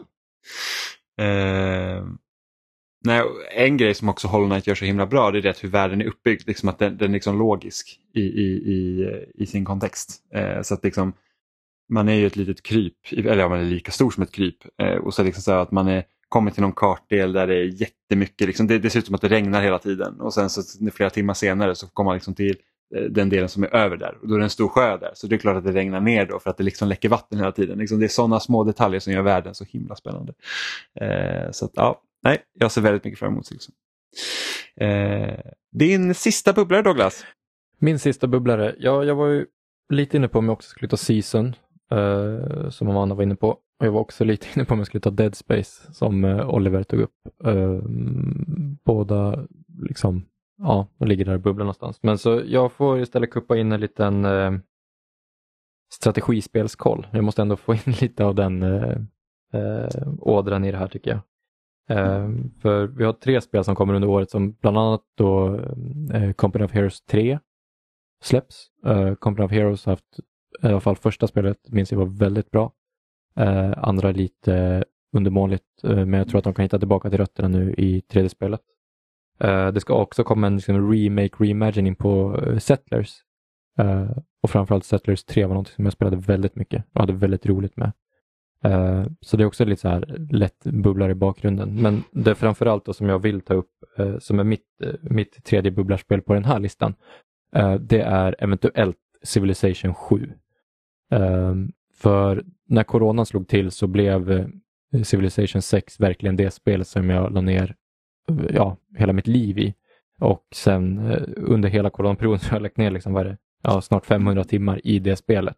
Åh oh, herregud! Eh, ja, för det har också blivit liksom en grej att jag och eh, min Amanda, vi spelar väldigt mycket tillsammans. Så att när vi har liksom en ledig eftermiddag så där kan vi bara säga, men ska vi ta ett Civ-game? Så sätter vi oss och gör det ett par timmar och det är väldigt, väldigt trevligt och mysigt och allt det där. Um, och de släpper ju nya tillägg till och sånt där eh, rätt så kontinuerligt. De släppte ett pass under coronan med, med nya ledare och de har också, också släppt nya ledare nu um, runt årsskiftet till Civ 6. Uh, eh, men jag tycker att det börjar vara dags att uh, ta till sig eh, inspiration från sina konkurrenter som då framförallt till exempel Humankind som släpptes för förra året, eller om det var förra året som gjorde många bra saker som jag tycker att Civ kan plocka upp och stoppa in i ett sjunde spel. För jag föredrar fortfarande Civilization framför något annat. Uh, så min förhoppning är att vi får höra något om Civilization 7 under året och eventuellt få ja, en release på det uh, senare under, under året som kommer. Det vore, det vore toppen tycker jag. Spelar ni Civilization på konsol? Uh, nej, det spelar vi på dator. Fast Amanda har faktiskt köpt det på Switch också. Hon har också så spenderat typ 200 timmar på Switchet och 200 timmar på datorn. Så jag har ju haft någon form av mm. inflytande på henne. Ja, jag var så nyfiken på hur det fungerar på konsol för att eh, jag har nog inte spelat Civ sedan Civ 4 tror jag. Ja, okay. Nej, Amanda tycker det är toppen. Och jag litar på henne. Mm. Ja, spännande. Mm. Eh, Oliver, vad är din sista? Um, jag hade svårt att komma på ett sista, så det blev Assassin's Creed Mirage. Mm. Um, för att men i grund och botten så gillar jag Assassin's Creed. Um, jag gillar idén och uh, jag brukar spela dem varje gång de kommer men de senaste gångerna så känner jag liksom att det har varit en sån jävla hassle och en sån chore att ta sig igenom. Ett heltidsjobb. Ja. Uh, så Valhalla är det första spelet som jag köpt och inte tagit mig igenom. Jag bara gav upp på det till slut. Um, så när de säger att vi ska göra ett som, okej okay, det här är liksom lite mer tillbaka till rötterna. Det är liksom, vad är det, det ska vara i Mellanöstern igen va? Um, eh, ja, precis. precis. 800, höll jag på att säga. Uh, jag ska kolla vilket Bagdad är. Vilket Bagdad? ja, alltså vilket årtal. alltså vilket Bagdad som var det. Bagdad 2, eh, uppföljaren till Bagdad. Ja, jag, jag, är också väldigt, väldigt äh, taggad inför det här. Ja, så, så när de säger att liksom det, det, det kommer inte vara liksom Far Cry utan det är lite mer liksom till old school Assassin's Creed med liksom Assassinations och, eh, och ett betydligt mindre spel som inte är så 120 timmar långt. Um, ja, mer Assassin's Creed 2 än Assassin's Creed Odyssey. Ja, precis. Uh, eh, 800-talets Bagdad. Ja. Ja, men det som sagt, det, det är vad jag... Jag hade hoppats på att det här är nya inriktningen för liksom hela Assassin's Creed-serien. Att de hade bara liksom insett att hmm, vi kan inte hålla liksom intresset uppe i 120 timmar. Uh, vi gör det liksom 15 timmar långt igen. Men detta mm. är tydligen bara liksom ett avstick. Och de här enorma RPG-spelen med liksom enorma mängder loot och typ värdelösa sidouppdrag och grejer. Det kommer tydligen fortsätta senare. Men, men men det är också vissa personer som gör typ Assassin's Creed och dylika spel till sitt liv. Det är liksom det spelet ja, de spelar det året precis. i stort sett. Jag känner folk som faktiskt liksom, alltså det, de spelar Assassin's Creed och typ Fifa. Så att de, de vill ju ha de här liksom typ 300 timmars upplevelserna. Um, och jag har sett liksom negativa recensioner, eller negativa reaktioner på Uh, utan att se att det kommer vara ett mindre spel. Som att, åh, fan ska jag köpa det då för mindre värde för pengarna? Och i det här fallet känner jag liksom det, less is more.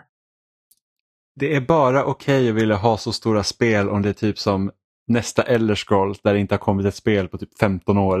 En Assassin's Creed som har kommit typ varannat. Då får ni faktiskt spela något annat så att vi vanliga döda kan också spela Assassin's vanliga Creed. Sa du vanliga döda? Dödliga? vanliga dödliga som faktiskt vill spela andra spel än Assassin's Creed. Nej. Vi är döda inombords. Ja, ja men precis. Man, så här, man ser timern på Valhalla och man dör lite. Men det, det roligaste med huvudpersonen i Mirage eh, är ju faktiskt har en väldigt, väldigt stor roll i Valhalla när man är klar med det spelet. Mm, Basim. Mm. Japp. Japp, japp. Och det är ingen idé att spoila liksom Valhalla med tanke på att alla som började det spelet när det kom ut har förmodligen inte klarat det. Så. ja, nej. Därför får man vara lite försiktig. Nej, men så, så att i bästa fall så är Mirage typ Assassin's Creed 1 fast med liksom, eh, hur ska man säga, potentialen funnen. Ja. Eh, och det är jag liksom all for. Mm. Ja, ja nej, men det, det, det, jag ser också fram emot Mirage. Amanda, vad Amanda, är nästa vad har långa du titel? för sista? Ja, vad, vad, liksom, ska vi ta fram pergamentrullen här? Och... Nej, det behöver ni inte göra. Eh, den sista för min del är The Wolf Among Us 2. Okej, det var inte jättelångt. Ja, det var en ganska sparsmakad titel. Fast det är en ganska så lång titel ändå. Ja, men The Wolf Among Us 2, The Next Game in the Wolf Among Us Series från Telltale hade varit en längre titel. Som vi kan säga istället. Ja, det hade det varit, men det är inte det som... Jo, det, nu heter det så. Hur som helst så tyckte jag ju att eh, första The Wolf Among Us, som ju är baserat på en serietidning vill jag minnas, Yes, Fables. är eh, otroligt bra. Jag skulle nog säga att det är topp tre när det gäller Telltale-spel, i ärlighetens namn.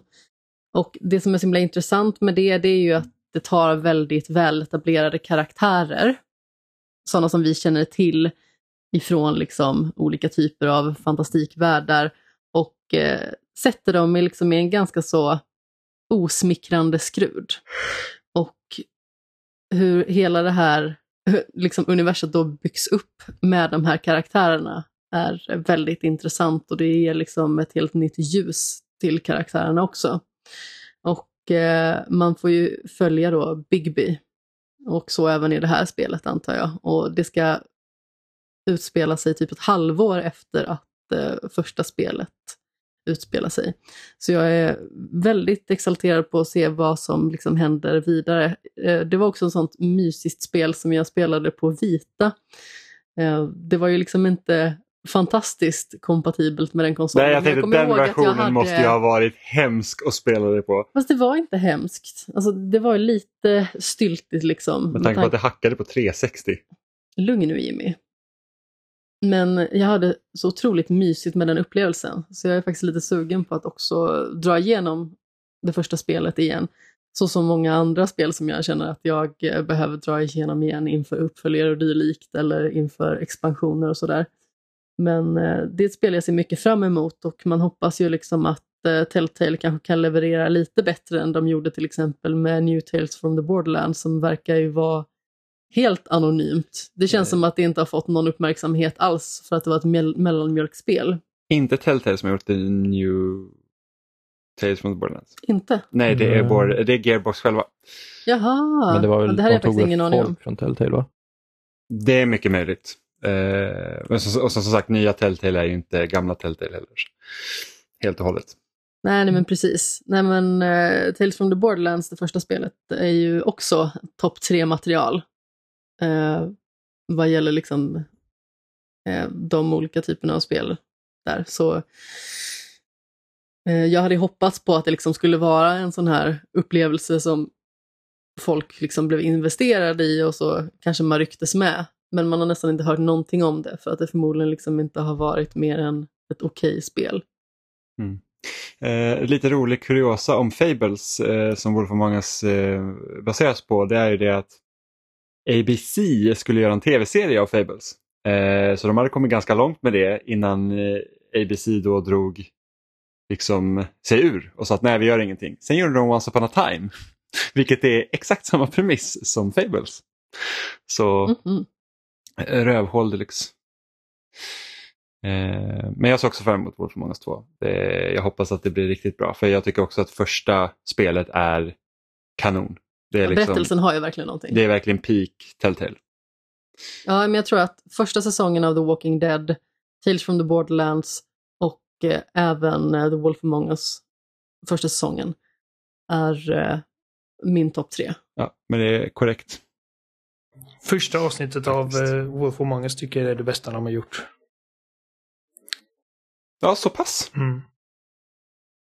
Första avsnittet specifikt. Mm. Jag skulle inte säga att hela mm. säsongen är bättre än första säsongen av Walking Dead tror jag. Men jag tror, alltså första avsnittet var verkligen, det greppade mig stenhårt och det slutar med att liksom man hittar Snövits avhuggna huvud. Och jag bara helvete. Och sen så tyvärr... Och så fick vi vänta typ fyra ja, månader. Och sen tyvärr så levde hon igen. Jag bara fuck. Um, för jag tyckte det var så jävla savage. Mm. Men ja. Jag, ser också fram emot ja. Among Us 2. Eh, min sista bubblare är Advance Wars eh, 1 och 2 Reboot Camp. som jag har sett fram emot. Jag har, sett, jag har väntat på ett Advance Wars sedan eh, Days of Ruin som kom 2008, 2009. Eh, och när äntligen det kommer liksom så att ah, okej okay, visst det är en remake av 1 och 2 och så bara december 2021. Bara, yes, bokat och klart. Jag ska spela så jävla mycket Advance Wars. Så skjuts det upp till mars 2022. Sen invaderar Ryssland Ukraina och Nintendo bara nej vi, eh, vi, eh, vi håller på det här spelet och sätter inget nytt datum på grund av att det är krig. Och man säger va? Och vi har fortfarande inget datum på när Advance Wars kommer komma. Jag kan bara hoppas att de släpper det i år. Men alla är så himla okej okay med att typ släppa Call of Duty varje år. Ja, det är så här bara, men det, det här lilla leksakskriget vi kör här borta, det, det är hemskt. Men liksom typ amerikansk krigspropaganda i, i, i en liten silkesförpackning, det går bra. Eh, så att ja, kommer jag få spela Advance Wars i år? Jag vet inte, jag hoppas det. Eh, det som talar för spelet är det att Nintendo har typ inget spel efter att Zelda kommer ut. Medan när de sköt upp eh, Advance Wars så hade de ett spel per månad. De bara, hörni grabbar vi måste släppa det här nu för nu är det skralt. Alltså. Men det är ju klart! Alltså spelet är klart! De bara sitter och håller på det.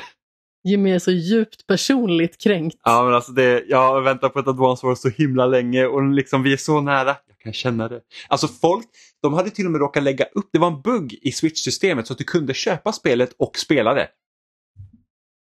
Det finns, det existerar, det är där någonstans. Mm. Så att, ja. Jimmy börjar tro att Nintendo har någonting personligt emot lov, honom just bara för att uh, The Legend of Zelda Tears of the Kingdom kommer dagen innan vårt bröllop. Ja det gör det faktiskt så att, uh, vi får nog ställa in. Ja det var kul. Jag ska spela Zelda. Står så här vid, vid ceremonin, bara switchen i bakfickan och bara så här. Det är ju faktiskt väldigt många nördar på vårt bröllop, i alla fall som är bjudna. Eh, så det kan nog vara en och annan switch som är med. Det blir inget Zelda-spelare för någon. Nej, och det är inte mer än rätt. Men faktum är, jag tror att Nintendo är ute efter mig, helt klart. De, de skjuter upp Advance Wars så att all min lycka försvinner. Sen så bestämmer vi bröllopsdatum och efter det så säger de att Zelda ska komma ut. Vi hade datumet först. Säger bara det. Så att jag tror att det här är en stor konspiration mot mig. Ja. 100 procent. De bara, ja, han den här Jimmy i Allingsås. Ja, ett farlig människa. Han måste vi sätta dit. Tror det. Han har varit alldeles för kritisk mot Nintendo i, i den här podden som eh, ett hundratal människor lyssnar på. Ja, är det, är det fasansfullt? Är det? Men ja, då var vi igenom. Eh, så det är så 2023 ser ut helt enkelt för vår del. Och sen så kommer det säkert, alltså, och det här är ju typ första halvåret nästan. Med några få eh, liksom avstickare som, som Spiderman släpps ju först i höst till exempel. Eh, men alla andra spel är ju faktiskt de första sex månaderna i princip. Vilket är mm. helt sjukt. Så vi kommer ha, kommer inte finnas någon tid att spela gamla spel. Mm. Ja, förutom du Oliver, du är liksom du bara nu jävlar jag får speeda upp. Ska spela igenom så här, ja, ah, fick vi se en liten skymt av Max Payne 1 remaken som Remedy också ska göra. Oliver drar igenom alla Max Payne-spel på tre dagar. Exakt. Ja. Jag drog igenom Gears of War. Mm. Från jag blev sugen! Jävla roligt. ja. Det gör det. Ja, jag var på Rusta, såg en motorsåg, jag fick ett infall. ja. Ja, men, eh, väldigt kul att du ville vara med och gästa igen Douglas. Ja, det är alltid roligt att ha med dig här. Kul att man fick komma. Ja, så var hittar man dig någonstans? Eh, enklast på Twitter, eh, Douglas Lindberg, eh, i ett ord. Eh, och sen så skriver jag för eh, Play One. Och med tanke på hur mycket spel det är som släpps under året så lär det väl komma en och annan text ifrån mig förhoppningsvis. Mm. Så in och läs Douglas recensioner. Vad är det senaste spelet du recenserade? Ah. Det, jag minns faktiskt inte riktigt. Gå in på playone.se, sök på Douglas Lindberg så kan ni se hans senaste text Precis. och läs. Bra reklam för mig själv. Men det, var no- det var någon bra text säkert. Ja, det var jättebra text. Du skriver bra Douglas. Så det kan vi alla vara säkra på. Eh, och ni andra hittar jag som vanligt på spelsnack.com. Där hittar ni också länkar till alla ställen vi finns som Facebook, Twitter, Youtube. Vi finns i din favoritpodcast-app eh, som Spotify, Apple Podcast eller eh, slumpmässigt RSS-flöde. Eh, ni får gärna mejla till oss på kontaktespelsnack.com eh, och ställa frågor eller bara skriva vilket spel tyckte ni var mest spännande som ska komma i år eh, och vad ser ni fram emot så kan vi prata om det i ett eh, uppkommande eh, avsnitt. Så och med det sagt så säger vi hej då! Hej då. Hallå! Puss i ljumsken.